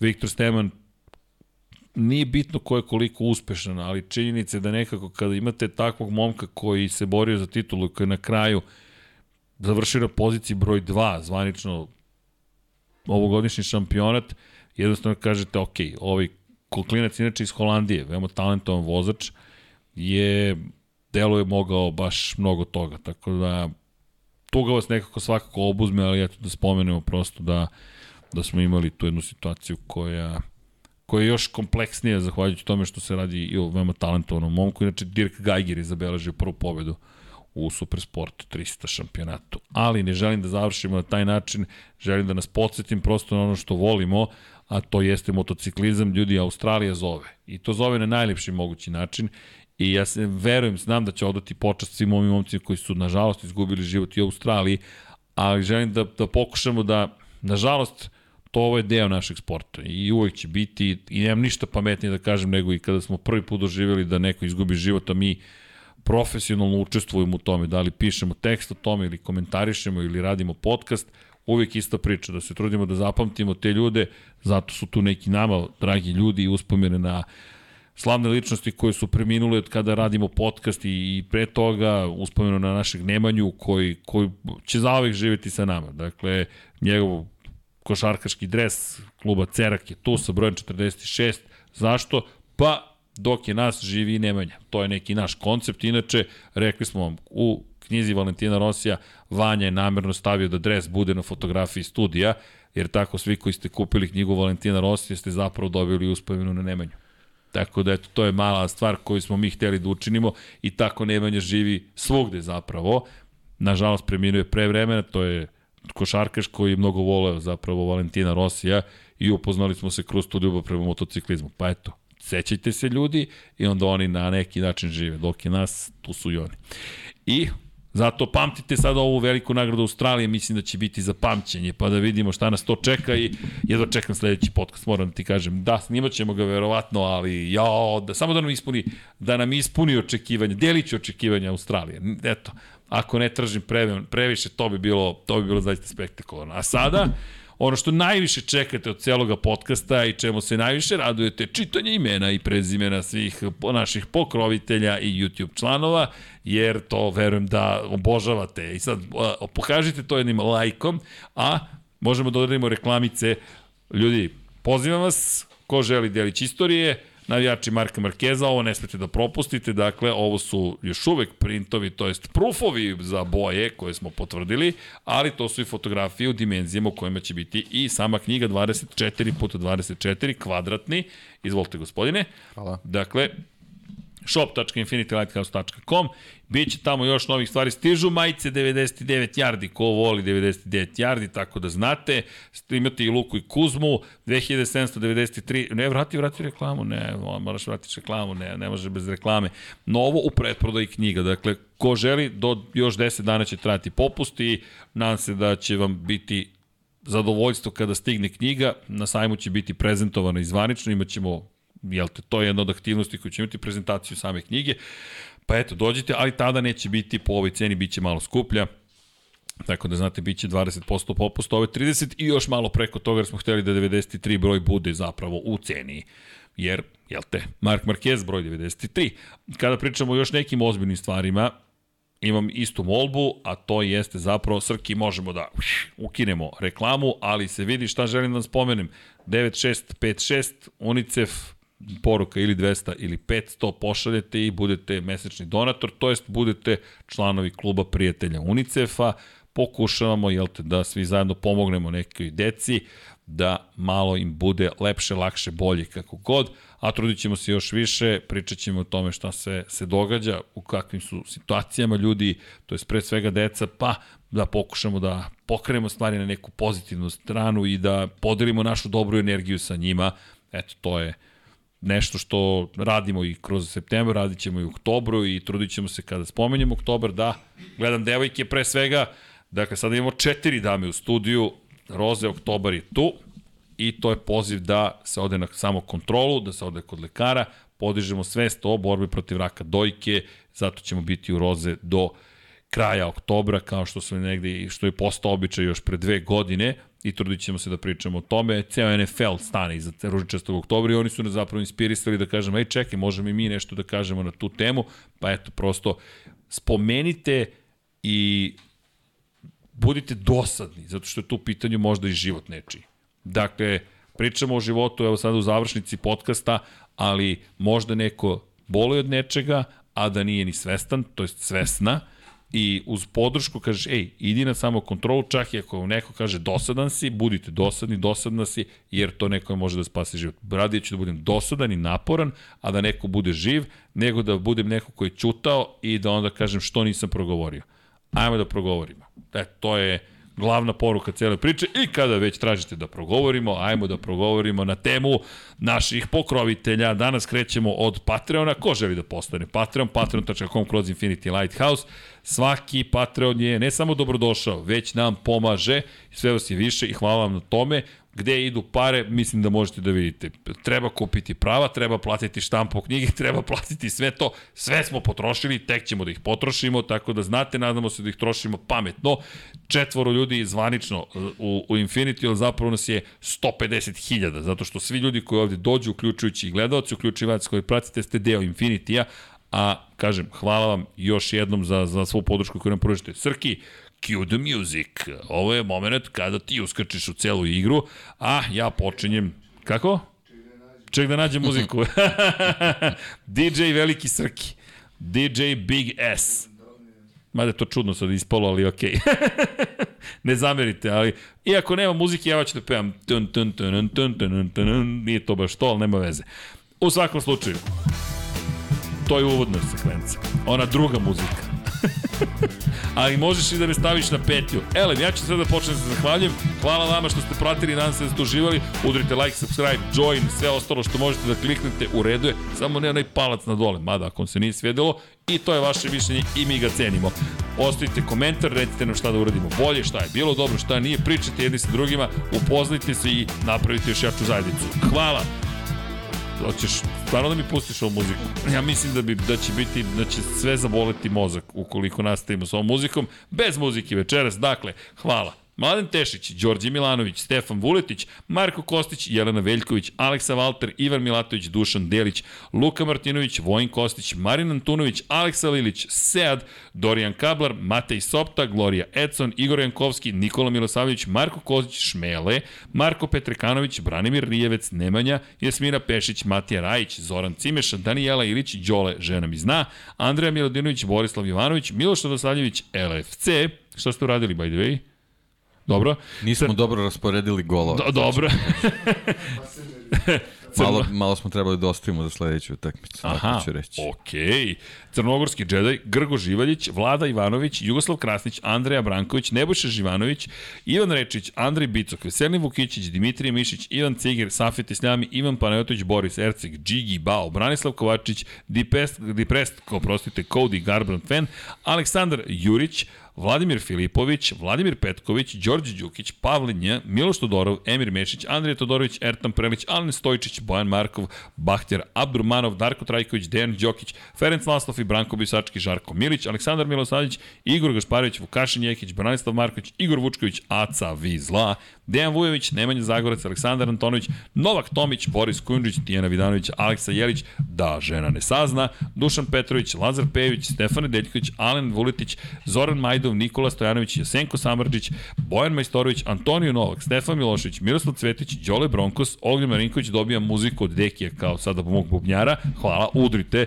Dakle, Aleksandar, Nemanja Miloradović, Marina Mihajlović, Dušan Ristić, Miloš Vuletić, Luka Manitašević, Zorana Vidić, Marko Horg, Zorana Vidić ili Vidović? Čekajte, šta sam pročitao? Zorana Vidić, dobro je. Marko Horg, Boris Golubar, Mirjana Živković, Josip Kovačić, Andrej Božo, Boris Gvozden, Nenad Simić, Petar Relić, Bojan Mijatović, Milan Nešković, Borko Božunović, Mlađan Antić, Kristijan Šestak, Stefan Vidić, Ivan Đorđ, Luka Savić, Jelena Mak, Goša 46, Kovačević, Omer, Morika, Erceg, Nenad Đorđević, Nikola Božinović, Filip, Mihajlo Kurgović, Đorđe Radović, Predrag Simić, Ivan Simonović, anonimna osoba, zatim Zoran Šalamun, Aleksa Vučaj, Miloš Banduka, Mario Vidović, Zoltan Mezeji, Stefan Lešnik, Ivan Muksimović, Toni Ruščić, Milan Đurđević, Marko Bogovac, Nikola Grujičić, Marko Mostarac, Mladen Krstić, Marko Čuković, Stefan Dulić, Ivan Toškov, Sava Dugi, Jelena Jeremić i Ozren Prpić.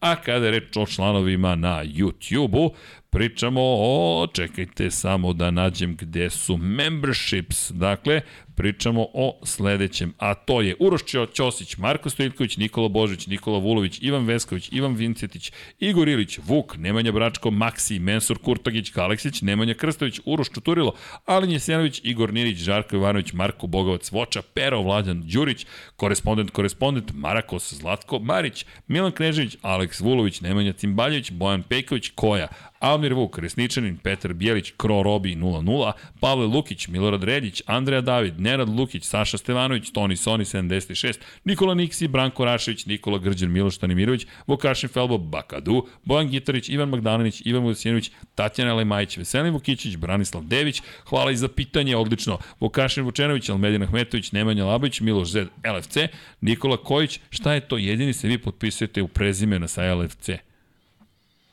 Pa, ne znam. Čisto da razumem, to je neki poseban koncept, ali dobro. Moguće, da, da, ne znam. U svakom slučaju, da, ne viđem kod ostalih da se potpisuju navijača drugih futbolskih timova. Nikola Kojić, Nemanja Miloradović, Zvonimir Papić, Marina, Vlada Ivanović, Oliver Nikolić, Jelena Jeremić, Aleksandar Nikolić, još jedna anonimna osoba, pa Nemanja, Bojan Markov i Danilo Petrović, ljudi, neverovatno jedno mega, sega, giga, gigantsko hvala. Udrite subscribe 2160, 20.160, 2000, nikako da, da, da se prebacim na neke druge brojke. 20.161, ajmo na 30.000 to je kao neki novi cilj, nemam pojma, neki, ne, mi smo presreći za, za pet ljudi što je sa nama i kada smo dobili prvi subscriber, imamo subscribera, imamo 100 subscribera, jo, vidi imamo 100 subscribera, pa to jeste ora dečija radost, ali ljudi, hvala vam na tome. Hvala ekipi koja je večeras bila sa nama, e, dakle, ja se nadam da ste uživali, top, dobro. Devojke, su roditelji položili mogu ponovo sa vama. Malo su rušili, nisu mnogo rušili. Sve je u redu. Pozdrav za mladog gospodina koji je došao sa biciklističkom majicom, ni manje ni više. Lepa majica, ali su lepše ove dve majice. Lep 76 majice, tako je, devojke. U svakom slučaju, Ljudi, hvala. Nadam se da ste uživali. Deki je neviđeno uživao. Ali lepo smo se zabili. Andreja Dovicioza se malo lošije proveo nego što je želeo, pogotovo Mik Duan. A mi vam želimo jedno lepo večer. Budite dobri. Mazite se i pazite se. Volite se. Vodite računa jedni u drugima. Budite dobri prosto. Hajde da uživamo u ovoj planeti. Dokle god da smo tu, neka bude onako malo lepša. Deki, ćemo se pozdravimo. Kao i obično. 1, 2, 3. Ćao svima! svima. Thank you.